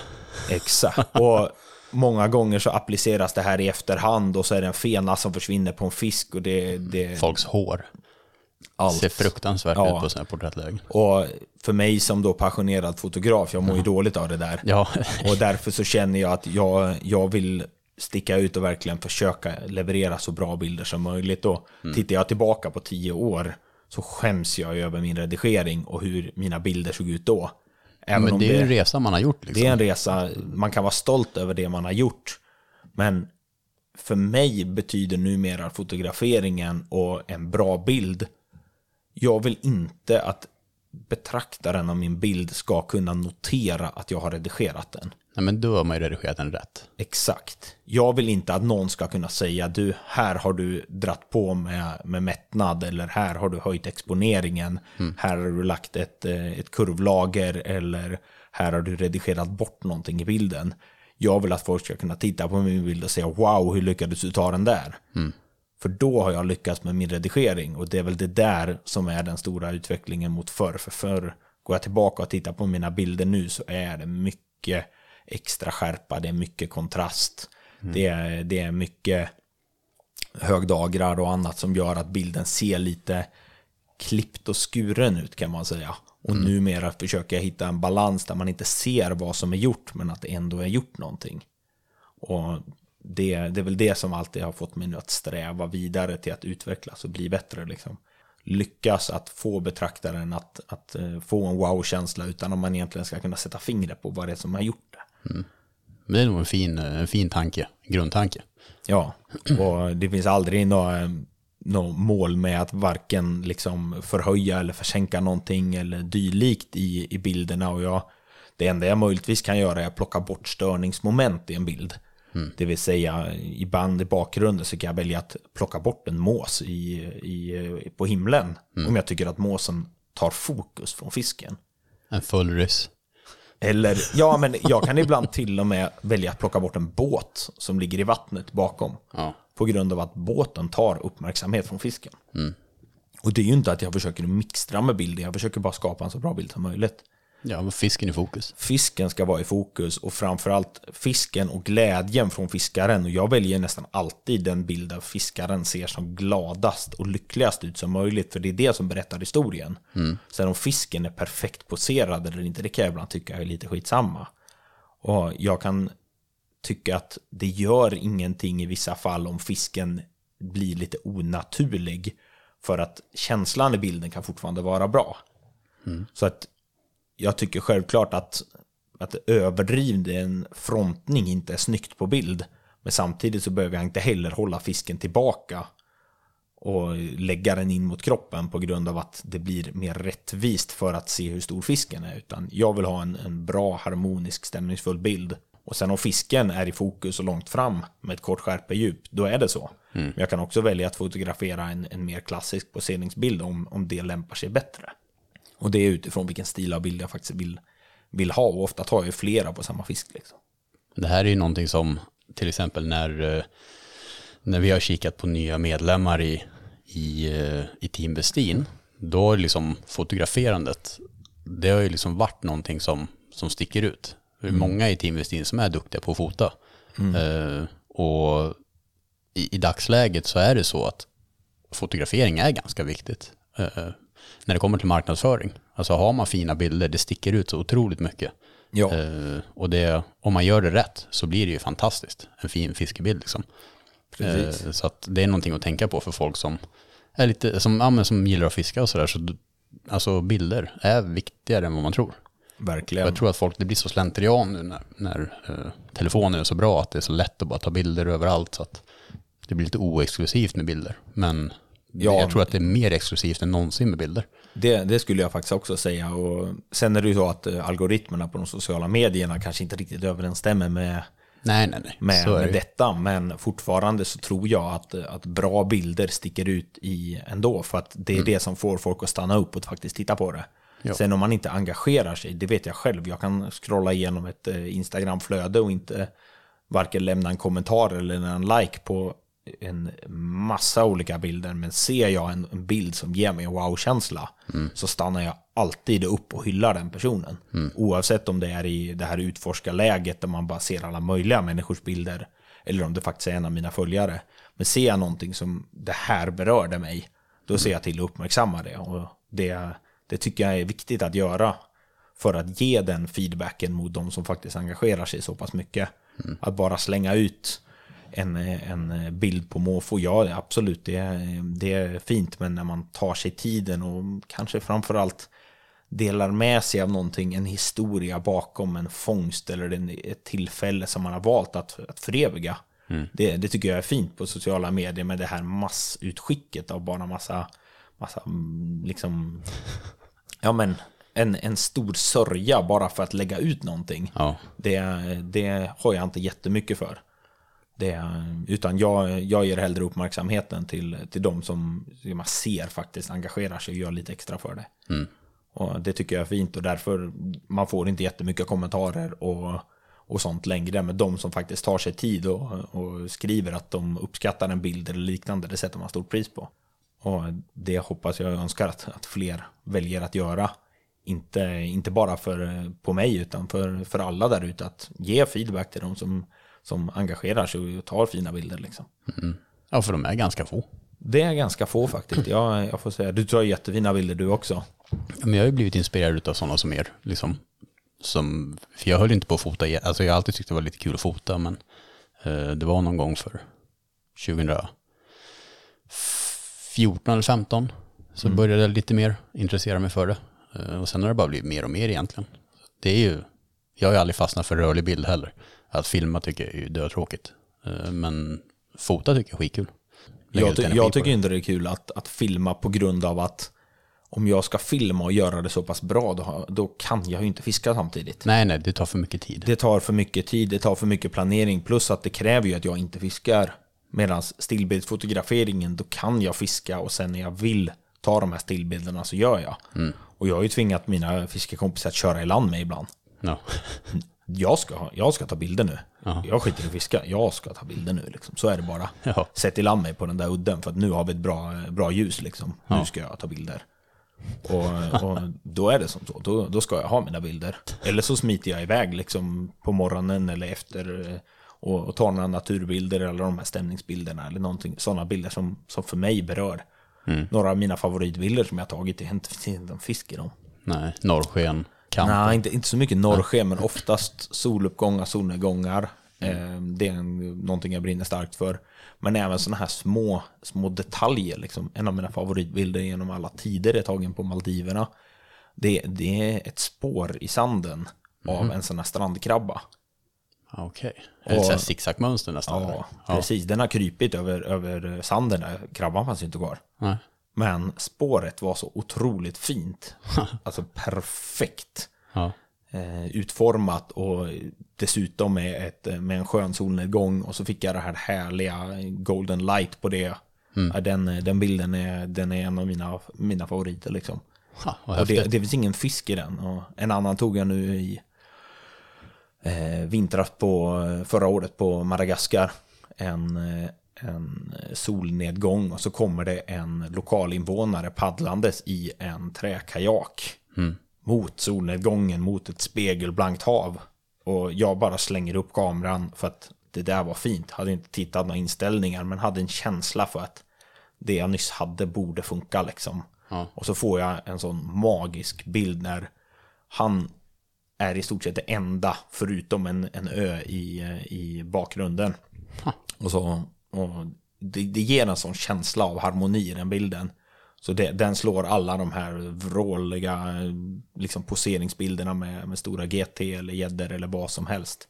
För känslan i den och varje gång man tittar på den bilden så kan jag på något sätt drömma tillbaka till det ögonblicket. Hur, hur avslappnad man var när man tänkte på att han paddlar där i lugn och ro. Det här är hans liv. Och han är inte stressad. Han, han har inga förpliktelser just nu. Han paddlar sin kanot. ja. Och det, det blir på något sätt så fint för att hela den bilden visar på harmonin av att vara en lokalinvånare på Madagaskar. Och jag tror inte att de är olyckligare än vad vi är här hemma eller tvärtom eller så, utan de lever där i harmoni och de har det. De, de vet inte vad vi har i princip och de lever och har det gött och lyckliga. För alla man möter där nere, de är lyckliga. Ja. De skrattar och de, eh, de eh, hälsar och de tjoar och de är nyfikna och tittar på prylar och allting. Och man märker att de, de lever i harmoni. Och då är det fint att kunna föreviga det också. Det har ju, alltså, jag förstår ju att det har hänt en massa häftiga grejer med stora fiskar och sånt, men det, när man guidar så då får man ju ta alla bitarna kring guidandet. Exakt. Och det kan ju bli lite hur som helst, eller hur? Ja, jo men det kan ju det. Och de stora fiskarna får ju, får ju alla se i alla fall. För att det lägger man ju ut bilder på och man berättar historier om. Men det är ju många andra saker som händer på kamperna som kanske aldrig någonsin berättas om. Och eh, det, man, man stöter ju på alla typer av människor där ute. Man stöter på nybörjare, man stöter på dedikerade fiskeproffs, entusiaster, folk som, har, alltså, som är så målmedvetna som man undrar hur är det möjligt liksom. Ja. Och så stöter man på andra typer av människor, oftast från andra kulturer. Och Ryssland. Ryssland. Och nu, nu ska jag säga att det här inträffade ju långt före den tragiska invasionen i uh, Ukraina som pågår. Ja, det här var länge sedan. Det här var länge sedan. Är det, när det här utspelade sig så hade vi ryska gäster. Numera så har vi inte några ryska gäster och vi accepterar inte de här ryska gästerna. Att, eh, att komma till kampen längre. Men på den här tiden så accepterade vi dem. Och de eh, var ju minst sagt speciella. De har en ganska annorlunda attityd mot andra människor och så. Mm. Och nu för att ingen ska bli arg så är det såklart inte alla ryssar. Exakt Självklart likadana. inte alla. Det, det finns eh, hur trevliga ryssar som helst som har varit och fiskat hos oss också. Men vissa av dem har ju varit lite speciella. Och vi, eh, ja, vi har ju haft lite olika. Jag har ju haft mina, mina guidningar med lite speciella grupper. Och en grupp sitter ju väldigt starkt på minnet. Och när man först och främst tar emot ryssar på kampen så gällde det ju att vara ganska strikt och sträng. Gärna militär disciplin för att få dem att faktiskt förstå att jag bestämmer. Ja, det var så. Och i det här fallet då så, så var jag väldigt tydlig med att vi dricker ingen alkohol i båten. Ja. Och jag kollade innan de klev i och såg, nej, de har bara varsin liten ryggsäck med några mackor i och annat, men inga konstigheter liksom. Så vi åkte ut och jag hade haft fantastiskt fiske veckan innan med mycket hälleflundra på ett område. Och de paltos. Det är det enda engelska ord de kunde, paltos. Vad betyder det? Hälleflundra på ryska. Så det var ju liksom, vi kommunicerade på en, ett, e- ett ords kommunikation. Och det var liksom paltos som gällde och jag fattade ju direkt, ja ja, okej, vi, vi åker dit. För dit, där får vi fisk. Och lägger första driften, förklarar hur utrustningen fungerar, vilket jag tror inte uppfattades hur den funkar riktigt, men vi hann väl ja, driva några hundra meter i första driften, så börjar de direkt bara change spot. Va? Ska jag byta plats? Nej, vi ska fiska här, här är det bra liksom. De bara, no, change spot. Let's have some lunch. Klockan var typ nio på morgonen. Och vi, vi, jag hade ju nyss ätit frukost, men de ville äta lunch. Det gick lite dyning, lite vågor och ja, ja. Och la om driften och tänkte bara, men ät lunch här då liksom. För att det kommer nappa här. Och bara, no, no, no. Let's go inside. Och då pekar de in i skärgården där vi låg och fiskade. Och kavlugnt, alltså grunt som attan. Jag tänkte, ja, ja, ja, vi åker väl in där då liksom. Och så när jag kommer in så ser jag på ekolodet, jag har aldrig varit där förut. Här är ju sandbotten. Det här är ju spännande. Jaha. Här har jag aldrig ens tänkt på att fiska för. De sätter sig där bak och dukar upp liksom såna här färdigstekta köttbullar och allt möjligt. Världens, världens eh, buffé där bak liksom. Och jag tänkte, nej, jag behöver inte ligga helt still här. Jag kan väl börja puttra lite. Så jag slängde ut ett par, eh, par jiggar i spöhållaren och la mig och bondtrolla där inne. Och alltså, jag tror inte ens det tog 30 sekunder så bugade bägge två spöna. Och jag hade fått ett dubbelhugg på hälleflundra och jag helt lyrisk bara ropar liksom paltos, paltos. Och tittar bak och de bara, Erik, not now, we're eating. Och jag står där med två hälleflundror på kroken och alla som någonsin har fiskat hälleflundra vet att en är tillräckligt jobbig att drilla, men jag hade två. Ja. Var det storlek på dem också? Jag tror att den största var typ alltså 15-20 kilo kanske, av de där två. Sätter fart i alla fall. Jag Sån är stark, alltså. knakar i spöhållaren och jag, fick ju bara, jag kunde hålla ett spö liksom.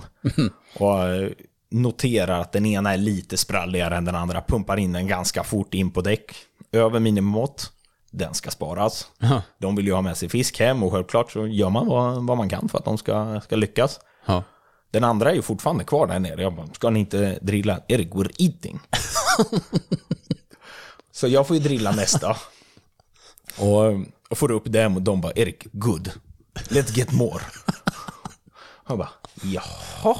Det är att vara fiskesugen där. Ja, och de sitter där och fortfarande käkar köttbullar och rödbetssallad som ett, alltså, som ett svenskt julbord till havs liksom. Och jag, jag frågar dem liksom, vad, vadå? Erik, keep fishing. Och jag lägger båten i, i, ja, i drift och börjar bondtrolla igen ut med två spön. Och på 45 minuter så landar jag sju hälleflundror. Och ingen av dem vill de drilla in. Det är de, sit- sjukt. de sitter där bak och dessutom så ser jag att de sitter och, och, och dricker ur några jäkla petflaskor. Tänkte inte så mycket på det. De, har väl tagit med sig vatten liksom. Ja. Sitter och tar köttbullar är väl torrt, tänkte jag. Och de sitter och dricker, de dricker jävligt mycket, tänkte jag. Och sen efter ett tag så när jag får upp det, alltså den sjunde, alla var inte över minimimått ska jag säga, så några släpptes ju tillbaka. Ja. Till deras stora frakt. För det, det, de ska ju spara, så jag var ganska tydlig med att nej, här är det regler som gäller, de här släpps tillbaka liksom. Men när vi hade landat den sjunde, vilket faktiskt var en mat, eh, matfisk då, så, så märker jag på den ena killen som ställer sig upp att han har ju tappat balansen, han har ingen koll på någonting. Och då inser jag ju bara, när de, de hade ju bottenskrapet kvar av flaskan, så lyfte jag upp en av flaskorna och så luktade jag bara, nej. så jag sa bara, "Ju- nu har ni ju brutit mot den enda regeln i hamnen som jag sa att ni inte fick göra. Ni får inte dricka i båten, nu åker vi hem. No problem, we have fish. och och vi, vi kör tillbaka till hamnen och vi kommer in i hamnen och alltså, de är ju kraftigt påverkade och jag sa ju bara att det här är inte okej. Alltså, vi kommer inte åka ut och fiska mer för att jag hade varnat er. Dricker ni i båten så är fisket slut. Ja. De bara, ja, no problem. Dricksade de rätt kraftigt. Gick tillbaka i hytten och åkte inte ut på havet på hela resten av tiden. Och de hade väl bokat en, jag vet inte, en tre, fyra dagar, men de nöjde sig med den där lilla förmiddagen och hade fått lite fisk och sen var det liksom bra med det. Och jag, jag kan fortfarande alltså, helt fascinerad över liksom att när det väl nappar den fisken som de faktiskt vill ha, Ja. så är köttbullarna viktigare. Det var inte köttbullar de ville ha. Nej, antagligen var det väl inte det, men det, det gav mig en sån kontrast mot alla andra turister som man får upp och är intresserade av att fiska. Liksom, att, att, eh, att det, var, det var så viktigt. Liksom. Och de, de betalar ändå för så fyra dagars med guide. Jajamän. För det kostar ju mer än att bara hyra båt. Ja, ja, ja. Liksom. Jo, men alltså det, de, hade ju, de hade ju fixat hela, hela faderullan liksom. Men eh, nej, det, det, var, det var deras prioritet. Och sen gjorde de annat under veckan. Ja, det är så sjukt. Ja, det, det, För en annan som bara älskar att fiska och liksom, Precis. du vet, inte slösar en sekund i båten. Nej, nej, precis, precis. Helt ointresserad av ett spö. Ja, ja, jag visste. Alltså, verkligen när fisken väl är på också. Liksom. Ja. Nej, vadå? Vi äter. Stör oss inte. Vi dricker, stör oss inte. Ja, ja, men ungefär liksom. Paltos. Ja, och de var ju nöjda. De hade ju fått lite fisk. Liksom. De struntade i vilket. Hade en regel. Och, då, och dessutom när vi kom till bryggan så tog de med mina fiskar och tog bild på dem. Ja, det är klart de gjorde. Så de stod, ställde sig upp och poserade med dem där. Liksom. Skickade dem hem till, till vänner och bekanta och, och så. Liksom. Det, var ju, det var ju deras fiskar. Det var första gången de höll i dem liksom. Ja, ja, ja, ja visst. Jag hade, ju, jag hade ju landat dem och fick ju inte ta några bilder heller eller någonting. Självklart inte i båten. Ja. Utan det, det gjordes ju på bryggan och jag fick ju inte vara med på någon bild heller utan det var ju bara, de tog sina bilder. Och de, alla gick ju runt med den största såklart så att alla hade ju samma fisk på bild. Det är så konstigt. Det är så konstigt sätt att se på det. Ja, verkligen, verkligen. Vad- Ja, det är ju... Ja, jag kan tänka mig att mycket, mycket konstiga grejer när man guidar. Ja, verkligen. Jag hade ju en annan rolig historia. Det här är ju dock, det här är ju bland en av de mest ödmjuka eh, sportfiskarna jag har, har mött. Han, han kom också från Ryssland. Passionerad sportfiskare, fiskat över hela världen. Hade bjudit med en, eh, en god vän från, eh, eh, från någonstans i Asien också. Också väldigt duktig. De hade ju alltså utrustning som på den tiden man kunde bara drömma om det liksom. Ja. Det var liksom toppklassen av, av det som finns att få tag på på marknaden. Och så hade de med sig en kock. Och den här kocken ska visa sig bli en central roll i den här historien. Men kocken, kocken var ju med för att se till att de hade en, en, en lyxig tillvaro där uppe. Han, I början, första dagarna, följde han inte med ut och fiskade och vi åkte ut och vi fiskade slow pitch jigging och det här var ju liksom många år sedan. Och det fanns ju inte på kartan, det var ingen som visste vad det Jag visste inte vad det var. De hade med specialspön och rullar och beten och allting. Men vi fångade ju bra med fisk på det och vi hade skitkul. Vad fiskar ni för någonting då? då? Säg och sådär? Sej och torsk och eh, vi fiskade även hälleflundra och fick, på, fick eh, en del på det. Mm. Och så berättade jag ju lite vad det fanns för andra fiskarter och de var ju nyfikna på det. Så vi åkte och fiskade rödspätta och lite allt möjligt där uppe liksom. Mm. Hade fantastiska fiskedagar ihop. Och på kvällarna så blev vi ju bjudna på alltså, lyxmat av den här kocken. Det var ju en, en stjärnkock som, som gjorde tre rätters på kvällarna. Och hade de med sig egen mat och allting? Liksom? Allt. Och hade de skickat in honom till butiken på dagarna och han handlade och han förberedde mat under hela dagen. Liksom. Oh shit, alltså. Och så var det, de, de var också där, skulle fiska tre dagar. Och på den, på den andra dagen på kvällen inför den sista dagen så hade ju kocken då tagit ett eget initiativ att ge sig upp på ett närliggande berg och plocka bär. Och han hade hittat några blåa fina små bär som han trodde var blåbär. Och slängt ihop en jättefin paj till efterrätt. Och verkligen dekorerat den snyggt uppe på. Det såg ut som värsta mästerverket. Och den här ja, huvudpersonen i gruppen då tar första tuggan och spottar rakt ut i rummet. Och svordomarna haglar genom rummet så att jag tror att kocken ska sjunka genom eh, brädorna i hytten liksom. Då visar det sig att han har varit uppe och plockat kråkbär. och smält ihop världens finaste kråkbärspaj. Totalt oätligt, till och med, jag tror, fan, jag tror till och med att kråkbär är giftigt. och, och, kocken direkt bara spydde och fräste och alltså den här, den här kocken står ju inte högt i kurs nu. Nej, arbetslös stackarn. Ja, men i princip. Och, alltså man såg ju han skämdes. Jag tyckte så synd om honom. Jag fick ju bara sitta där. Jag kunde inte säga något. Men hela situationen var så absurd. Liksom, för där, där märkte, märkte man hierarkin. Liksom, att han var inte värd vatten. Han var inte bara en kompis? Nej, han var tjänare och han hade gjort bort sig.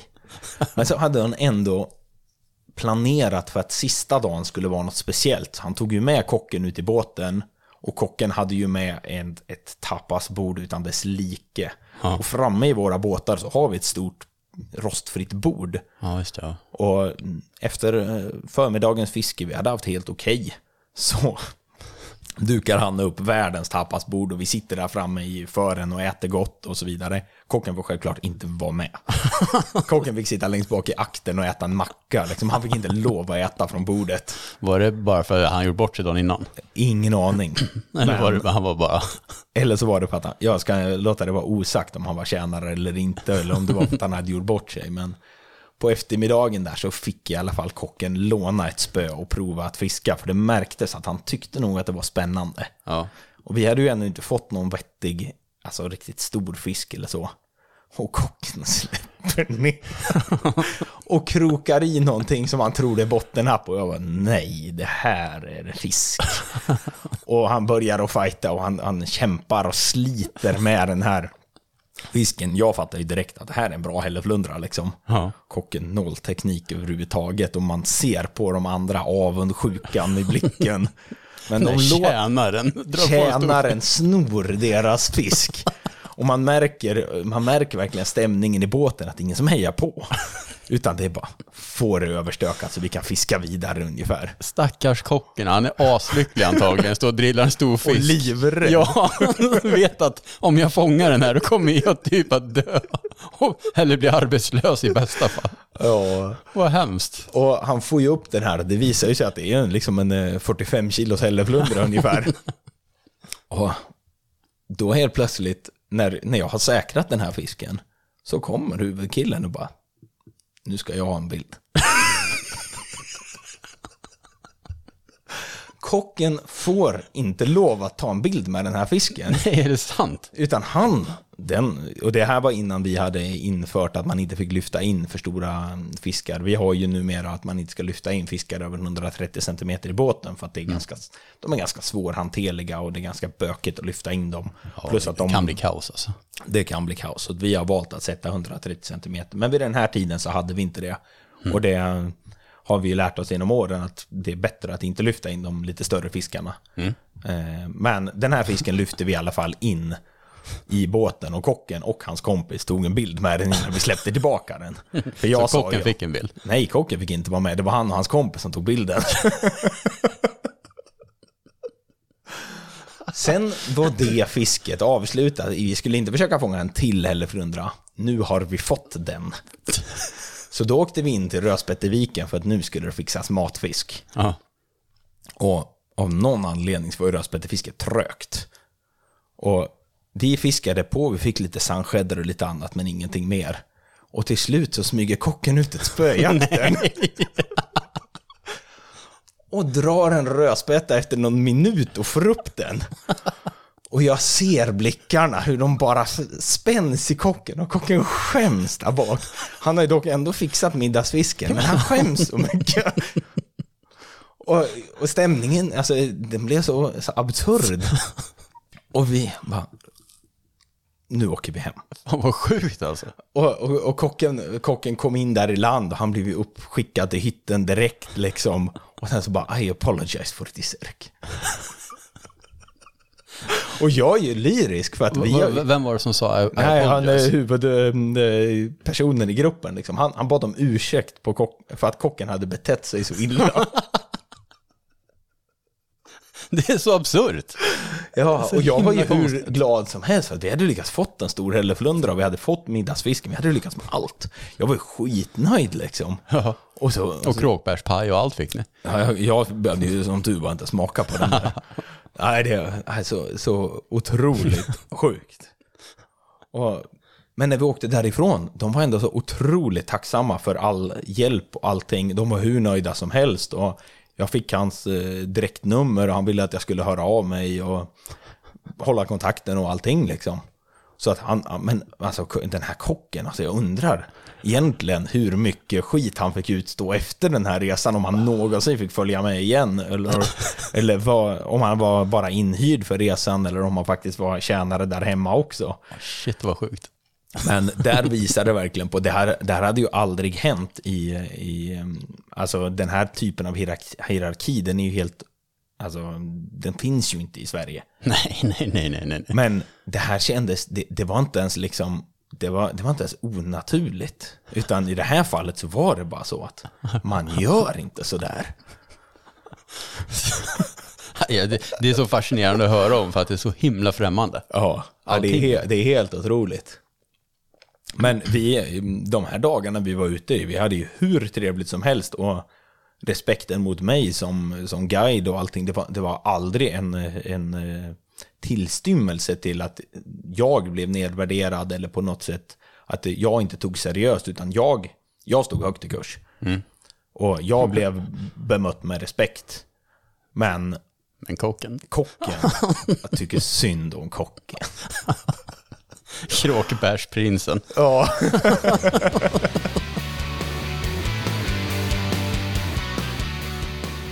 Glöm inte bort att gå in på timeisfish podcast på Instagram och delta i Latitude 65s utlottning under avsnittsbilden. Kom ihåg, det är en tävling per avsnitt med Erik Axner, så missa inte att delta i bägge. Tusen tack till Latitude 65 för att ni har varit med från början och gör den här podden möjlig.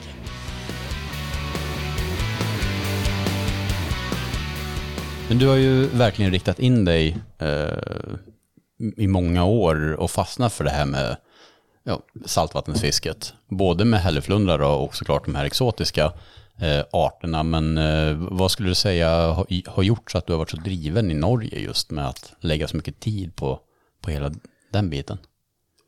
Vad är det som är så speciellt med Norge? Ja, alltså dels är det ju helhetsupplevelsen med det stora havet, alltså möjligheterna. Den här känslan om man bara tänker på vad finns där nere. Ja, Alltså det, det är på något sätt, om jag åker ut i en, en eh, skånsk sjö här nere, vad finns i den sjön? Jag kan ungefär räkna ut vad som finns i den sjön. inga större överraskningar. Nej, såklart kan en fisk vara några kilo större än vad jag kanske hade räknat med. Men i Norge så är det ju potentiellt så att jag kan fånga någonting som, som gör mig rädd. Ja, Och, eller som gör mig helt förbluffad över hur kan det här ens existera liksom. ja. Det är fiskar som jag tycker ser ut som Pokémons nästan. Mm. Typ en vit rock, alltså det är en, det är en så surrealistisk fisk. Ja, de är sjukt skumma alltså. Ja, världens tråkigaste fisk att, att drilla, det är, alltså det är ju som att veva sopsäck. De, de simmar inte ens. Ja, det är så. Men de är sjukt häftiga när de kommer upp och man får hålla i dem och man får faktiskt inspektera de här små detaljerna med alla små vassa taggar överallt och hur ögonen ser ut och hur gälar och allting. Och hur, hur de rör sig i vattnet när de väl simmar därifrån också. Så att jag tror snarare det är, det är det som gör att Norge är så, så spännande och havsfisket är så spännande för mig. Dels att det är Alltså, det är ett skafferi av stora fiskar. Det är enkelt att fånga stor fisk. Sen såklart kanske det inte är enkelt att fånga en stor fisk av alla de arter som finns. Men det är enkelt att fånga en stor fisk i form av tyngd, vikt, volym, längd. För att många av fiskarna blir väldigt, väldigt stora. Stora det är fascinerande hav alltså. Alltså bara en, bara en 15-20 kilos torsk, vilket inte ens är hälften av vad de egentligen kan bli, är ju fortfarande en otroligt stor fisk. kan man ju likställa med en 7 kilos gädda. Ja, om ens det. Ja. Ja, men alltså, ja, en 15 kilos kan väl kanske bli en 7 kilos gädda liksom. Men en 15 kilos på rätt plats kan, i alla fall förr i tiden, kunde ju mycket väl vara en 5 kilos gädda också. ja, Det, sen, det är ju det som är så sjukt. det beror på vilken tid på året man fiskar och så vidare. Men numera, alltså, när torskbestånden faktiskt i Norge har gått ner en del, så är inte 15 kilos torskarna supervanliga. Det är klart att de finns, men det är inte lika vanligt som förr. Liksom. Nej. Eh, Men eh, alltså, tillgången på stor fisk i Norge är ju, är ju brutal. Och där kan man ju verkligen få, få kämpa för att ens få upp en fisk. Alltså för att framförallt då kanske hälleflundrarna, de utmanar en på ett sätt så att du behöver teknik och styrka för att få upp dem. Du får inte upp dem om du inte gör rätt.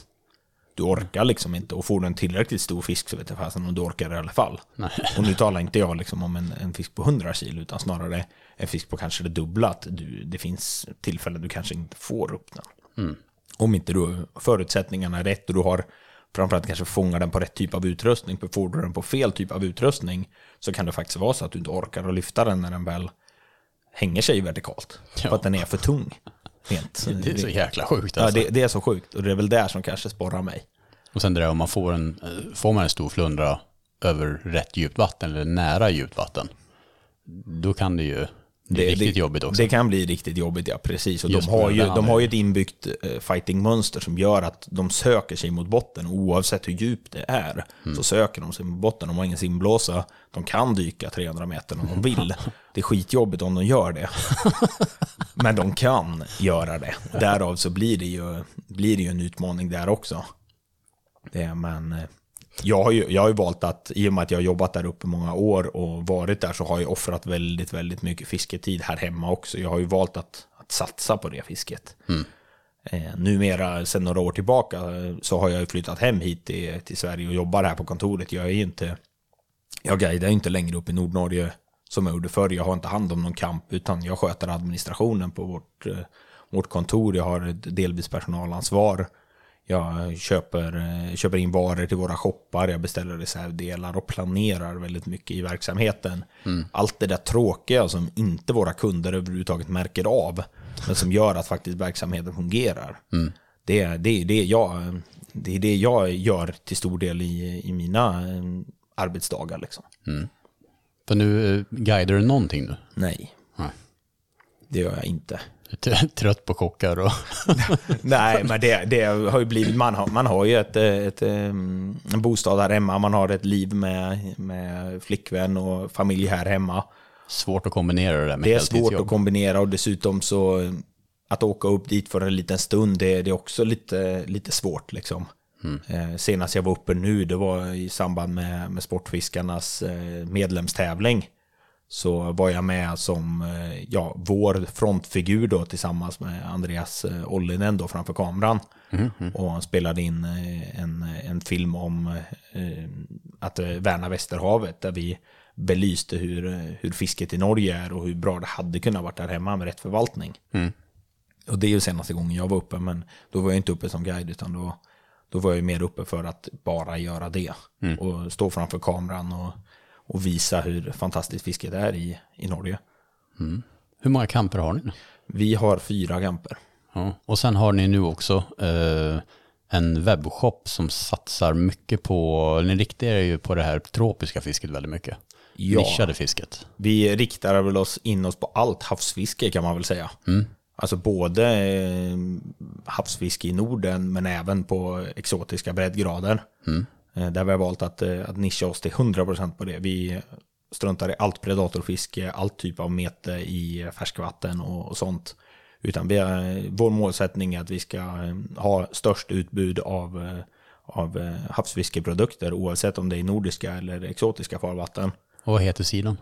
Den heter seafishingtackle.se. Eh, Ganska enkelt på, på engelska då, havsfiskeutrustning.se kan man väl säga. Seafishingtackle.se. Och där eh, väljer vi noggrant ut den utrustningen som vi väljer att köpa in. Vi köper in varor som vi själva vet fungerar, som vi tror på, som vi kan rekommendera. Eh, vi satsar inte på att eh, ha flest produkter i lager, utan vi satsar på att ha bra grejer i lager som, som faktiskt fungerar. Mm. Men en hel del lite mer ovanliga saker också. Jag var inne och kollade på hemsidan här efter jag kom hem från Madagaskar. Och ni, ni har mycket saker alltså. Så det var kul att se att det finns någon här i Skandinavien som satsar på den här typen av fiske. Ja, precis. Och vi, vi ser ju från att vi, vi startade, så inte bara, inte bara i Skandinavien utan även ute i Europa så ser vi att det är ett stor efterfrågan på den här typen av produkter. Och eh, vi eh, växer, växer snabbt. Eh, lagom takt än så länge, liksom, men det, det, går, eh, det går framåt helt klart. Och vi försöker ständigt utveckla med hitta nya produkter, nya varor och lyssna väldigt mycket på vad kunderna vill ha. Vi får ganska ofta förfrågningar om att kan ni inte ta in det här, jag skulle vilja ha det här, har ni möjlighet att hitta det?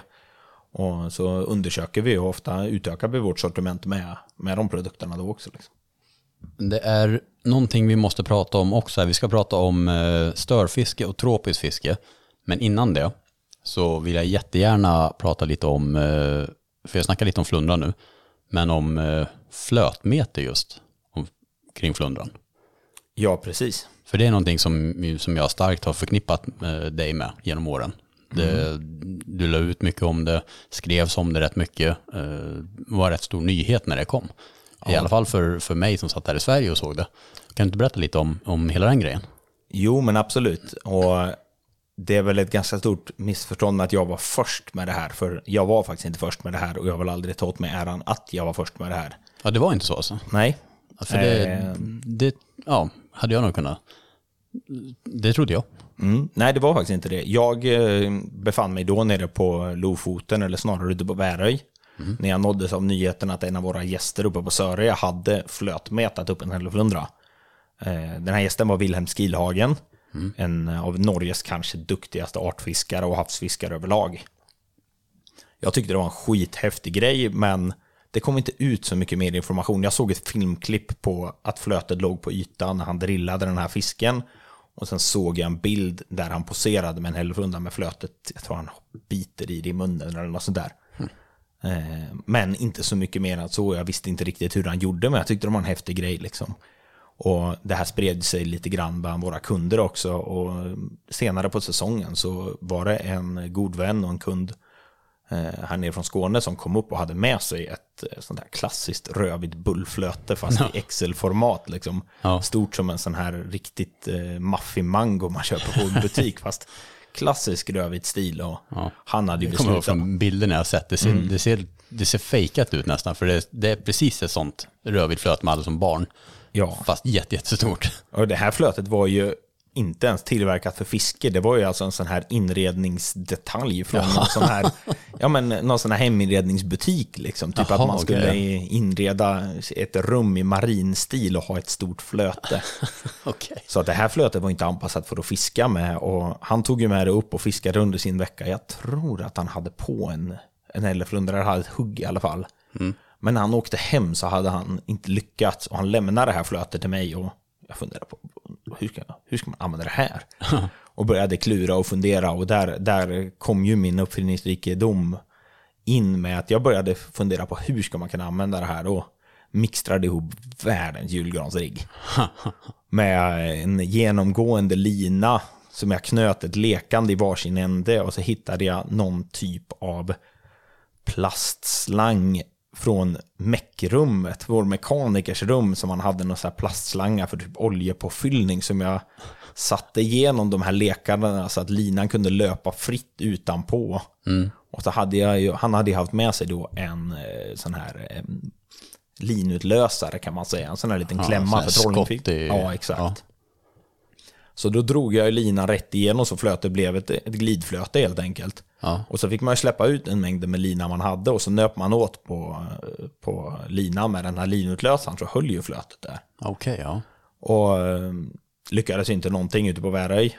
Eh, och tänkte att det här, det här kommer aldrig funka. Liksom. Det är bara bökigt och krångligt och det trasslade och hade sig. Liksom. Jaha. Men förfinade den där riggen och så kom jag upp till Lofoten då på Nappströmmen. Så var det lite grundare vatten och framförallt mer naturlig strömsättning. Och hade väl mixtrat ihop den här riggen lite snyggare så att den inte hade tåtar och eh, små eh, linändar till höger och vänster utan den var lite mer clean.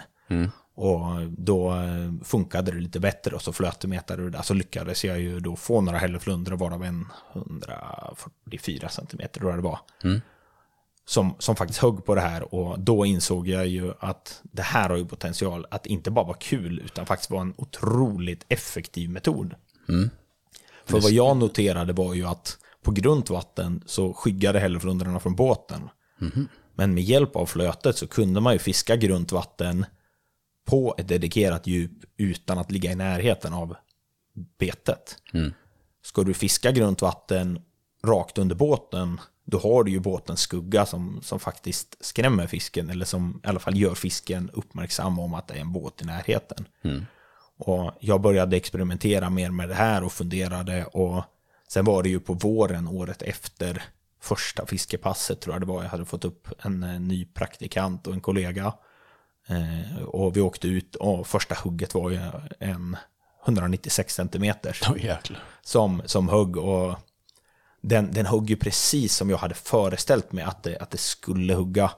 Flötet fick driva helt fritt borta från oss. Vi hade till och med släppt ute från båten och backat ifrån båten för att det, liksom, flötet skulle vara, vara isolerat. Flötet skulle vara själv.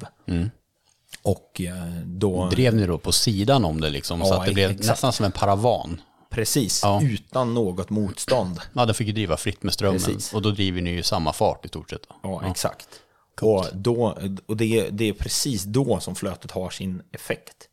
För att ett flöte som släpar bakom båten och som draggas bakom båten, det kommer också göra att betesfisken driver upp och dessutom får betesfisken en väldigt onaturlig gång för att den, den roterar, den driver och fladdrar till höger och vänster. Och såklart att ibland funkar det, men Men det blir som att meta från båten vanligt. Precis. Alltså med spö rakt ner. ja, bara att du hamnar ju sist i ledet. Ja. Så att fisken kommer alltid hugga på spöna under båten före den hugger på flötet eftersom flötet kommer sist. Ja. Men när flötet får driva fritt helt där utanför så är det snarare så att spöna under båten, oavsett om det är en jigg eller en betesfisk, det blir ett litet stim. Och så har vi den stackaren där ute som är utanför. Vilken tar dem? De tar den utanför. Hur långt ifrån båten skulle du säga att det var rimligt att fiska? 10-30 meter. Man kan fiska mycket, mycket längre ifrån, men du krokar väldigt mycket sämre fisk. Alltså det, är- det är så svårt att få in kroken. Och jag fiskar uteslutande med silkekrok. Dels är det skonsamt mot fisken, men det är också en överlägsen eh, landningsprocent och krokningsprocent på, på fiskarna, framförallt på de stora. Men har du för lång lina där ute så är det svårt att veta vad fisken gör och det är svårt att få någon press så att kroken faktiskt fastnar. Det blir lätt att det blir lite spänt och sen ruskar fisken ur kroken. Så 10-30 meter ifrån. Men jag började ju utveckla det här mer och mer och efter den här fisken på 196 cm som vi också filmade delar av fighten så den gick ju viral över hela världen. Den var ju med i CNN Morning Show och den var ju alltså Var det så? Ja, det ringde ny, alltså senaste dagarna efter fångsten så ringde det Alltså det ringde nyhetsreportrar från hela världen, från Japan, från Korea, från USA, från Argentina. Det spelar ingen roll. Det ringde till höger och vänster. Alla ville publicera bild och film och allting. Ja, fy fan vad häftigt. Så jag hittade ju något klipp där från, jag tror det var CNN Morning Show, när de ta, talar om the Swedish crazy viking swimming in freezing water with a deadly fish. För, ja, alltså i USA så är ju hälleflundran en mytomspunnen fisk, den är ju farlig. Många amerikaner skjuter ihjäl fisken med revolver vid båtsidan. Du, ja, men det här måste jag bara flika in en liten historia. Jag, var, jag jag gick i en fiskeklubb när jag var liten. eh, när jag bodde i Karlsborg. Och då hade vi någon som kom och för, eh, skulle ja, in, inspirera oss. Och det var ju någon som har varit iväg på hälleflundrafiske i eh, någonstans i USA, Alaska någonstans där. Och han visade ju bilder och han, han sa ju att de här är så stora så man måste skjuta dem innan man tar in dem i båten. Och vi snackar alltså, det var inga stora flundror. Vi tyckte ju det. Alltså, Men om man jämför med vad som fångas i Norge och sånt, det var ju det var inga stora flundror. De, de krokar dem liksom med eh, en gaff och sen tar de fram en ha, hagelbrakare eller så och bara skjuter huvudet av dem. Och så lyfter de in den med handen, alltså det är ingen stor fisk, men det, precis som du säger, det är någonting med dem så att, ja, jag tror att det är en grej också, det är kul att skjuta saker. Ja, För vissa av dem där. ja, men och till och med när de ringde upp mig då, så fick jag frågan, what kind of gun do you use? Och, det är jag, så sjukt. och jag bara, jag har inte, jag, jag släppte tillbaka den här. Och så hade jag ju då ett filmklipp som tur var när jag släppte i den, för folk trodde ju inte på mig. Ja, det var så. Ja, ja visst. Alltså, alla internationella medier, de fattar inte hur jag kunde liksom eh, släppa tillbaka den där fisken och överhuvudtaget hur jag vågade hamna i vattnet med den. Och, eh, ja. och det var ju där som antagligen ryktet om att jag var först med det kom i och med, precis som, som du trodde, alla andra tror också att jag var först med det. Jag var inte först med det. Men jag var väl kanske den som upplyste fiskevärlden om att det går att flötmäta och faktiskt hur man gör. För jag var helt öppen med så här ser min rigg ut, det här använder jag. Jag delade med mig av bilder, jag visade min rigg till fullo, jag förklarade tekniken. Jag blev inbjuden till att hålla föredrag hur man fiskade det här. Och hur man effektiviserar sitt fiske utifrån att flötmetet ska bli så bra som möjligt. För det, det kan man ju faktiskt göra. Flötmetet är inte en bra metod om du har det som ett substitut i det andra fisket. Nej. Om inte förutsättningarna är idealiska för det. Men så fort båten driver snabbare än flötet eller strömmen gör att till exempel kan man ju ha en yt och en undervattensström i Norge där vattnet under båten driver långsammare än det på ytan. Så att flötet draggar bakom båten så kommer det vara en väsentligt sämre metod än att ha betet rakt ner. Men om flötet får driva fritt utan påverkan från båten i exakt det området du vill så är det överlägset ett vanligt mete under båten. Och när jag har fiskat själv med kollegor och liknande så har ju vi då valt att dedikera vårt mete genom att köra in flötet i en smal sandränna som är fyra meter bred inne bland stora stenar och backat ut båten och drivit utan krokar under båten och bara haft två flöten där inne. Och verkligen lagt flötena där vi tror att här ligger flundrorna. Och lyckats otroligt bra med att fånga eh, fisk på det sättet. Det är sjukt spännande. Det, skapar en helt ny, alltså, helt nya möjligheter. Precis, vi kunde fiska fiskeområden där man normalt sett aldrig någonsin fick en hälleflundra för att båten antagligen skyggade dem.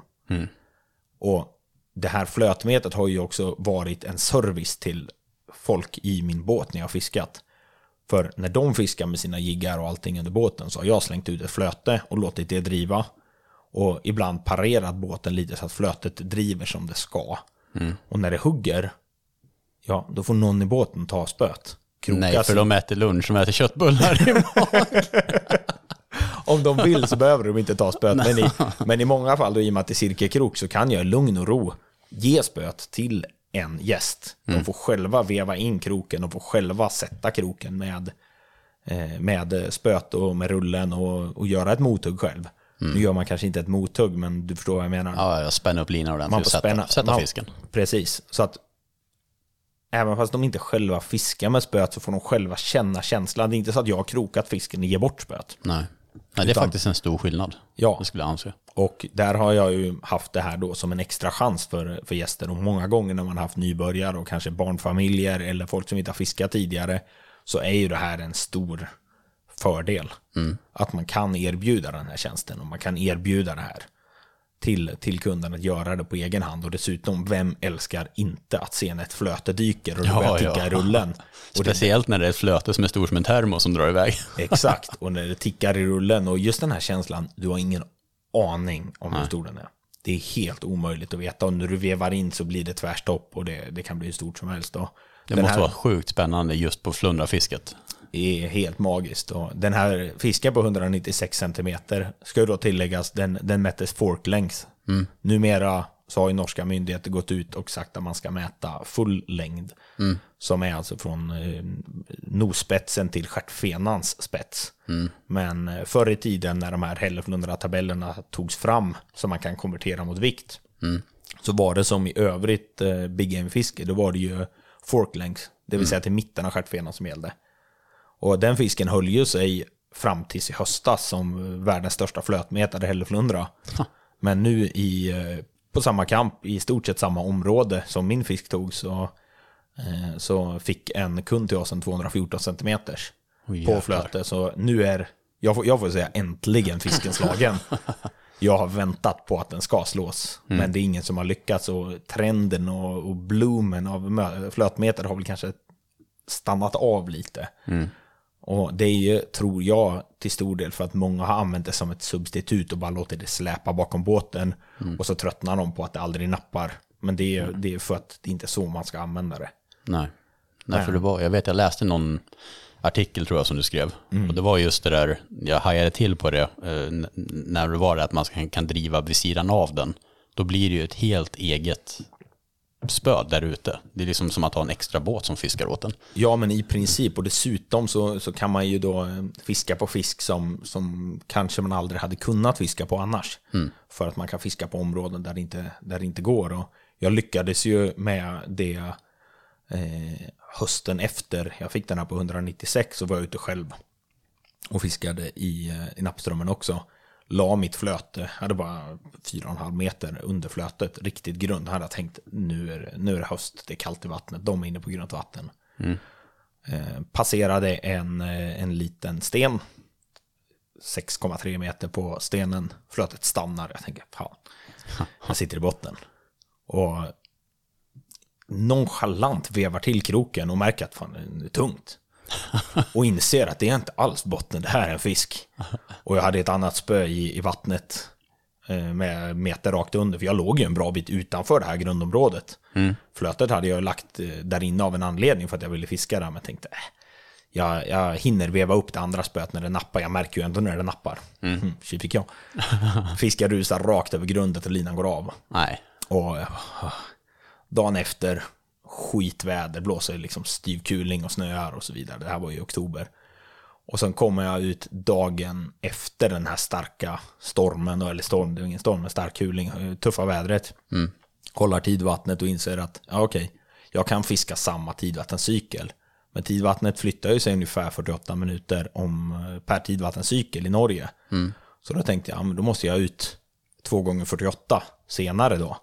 Så jag tajmade exakt samma tidvatten, la upp samma drift, sket i spöet under båten, la flötet på samma djup och la exakt samma drift och tänkte nu ska jag driva förbi den här stenen igen. Samma sten, samma scenario, det bara stannar, går under. Och jag bara, det här är inte botten. Jag vet att det inte är botten, så jag körde upp båten ovanpå flötet i princip. La i eh, full broms på rullen för att kroka den och la i backen och backade ut. Ja. Och det bara tvärstopp. Och den följer med. Och jag har krokat i en riktigt, riktigt stor fisk. Själv i båten, böljar fram och tillbaka, ligger på lite djupare vatten, så ganska trygg med drillningen liksom. Men fortfarande själv i båten. Kommer upp och första gången jag ser fisken så sitter det två silkekrokar i mungipan. Min gamla plus min nya. Ja. Och jag försöker gaffa den där och det är inte lätt själv. ja. Och Nej, fy fan när vad jag- svårt det måste När vara. jag flötmätade då så hade jag ju en och en halv meter tafs ovanför sänket för att skydda mot eh, bröte på botten och annat om, om sänket studsar i. Ja. Och två och en halv meter bakom, det betyder fyra meter tafs. Nej. Och ska då sätta, sätta spöet i en spöhållare, sätta lagom mycket broms, handvinsch, köra upp den sista tre metrarna, fyra metrarna då. Gaffa den där fisken och på tredje försöket så lyckas det. Då skakar den ju loss min gamla krok, men eh, jag lyckades ju ändå landa samma fisk som jag tappade två dagar innan. Vad häftigt. Och det var ju en 192 centimeter. våglängd. Jäklar. Och eh, då, då var det ju bara liksom, nu har jag verkligen fått in liksom tekniken för det här flötmetet. Liksom det, det här är en metod för att fånga de riktigt stora. Liksom. Ja. Och fler kollegor började anamma det här och det, det kom ju upp många fina fiskar, mycket 50 kilo så uppåt liksom. Och några 70-80 och så vidare. Men det kom aldrig någon riktigt stor. Det tappades några riktigt stora, men det var aldrig någon riktigt som kom. Och sen tog, dröjde det ju bara ett par år och sen fick jag jobb här nere i, i Skåne då på heltid på kontoret. Och min tid i Norge började väl sina liksom och jag var inte uppe lika länge och sen dess så, så har det väl lagts lite på is. Såklart att när jag är uppe någon gång och fiskar privat så fiskar jag det. Mm. Men eh, numera så, eh, så fiskar jag inte det så mycket längre. Även om det fortfarande är min favoritmetod. Mm. Just på grund av att det ger möjligheter och det ger en adrenalinnivå som är svår att beskriva mot ett vanligt fiske.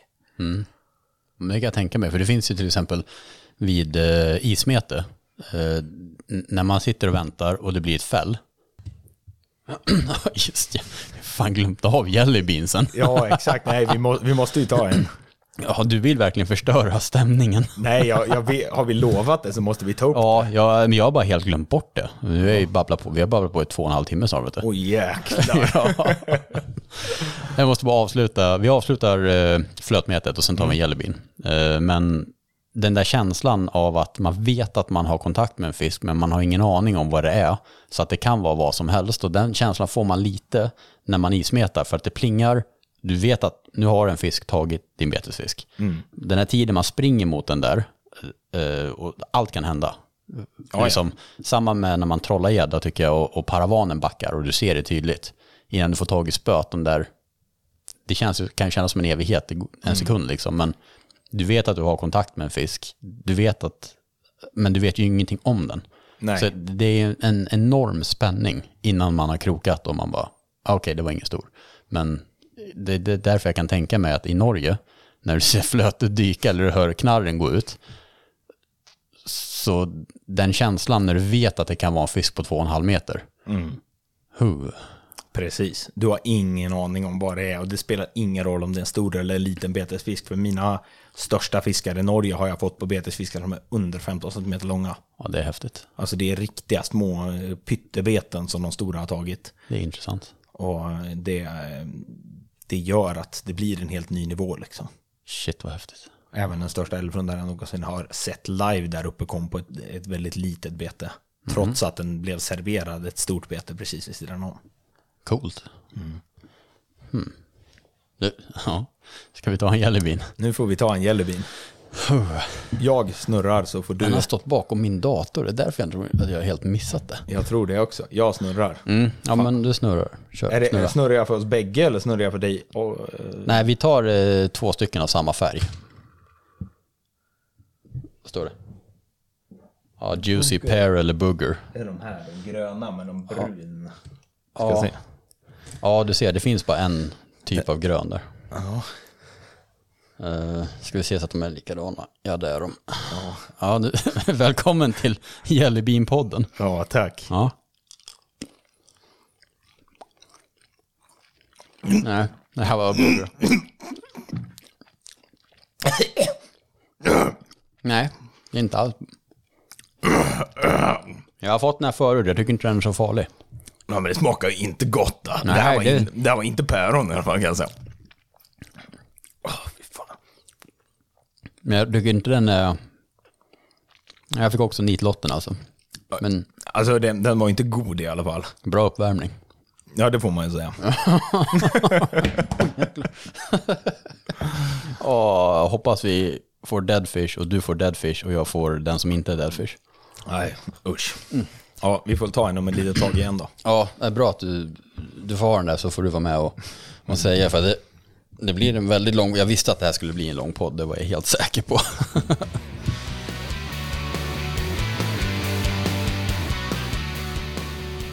Om ni vill höra andra halvan av avsnittet nu direkt så finns hela episoden publicerat sedan en tid tillbaka på appen Podbean för alla som stöttar podden genom att bli en patron.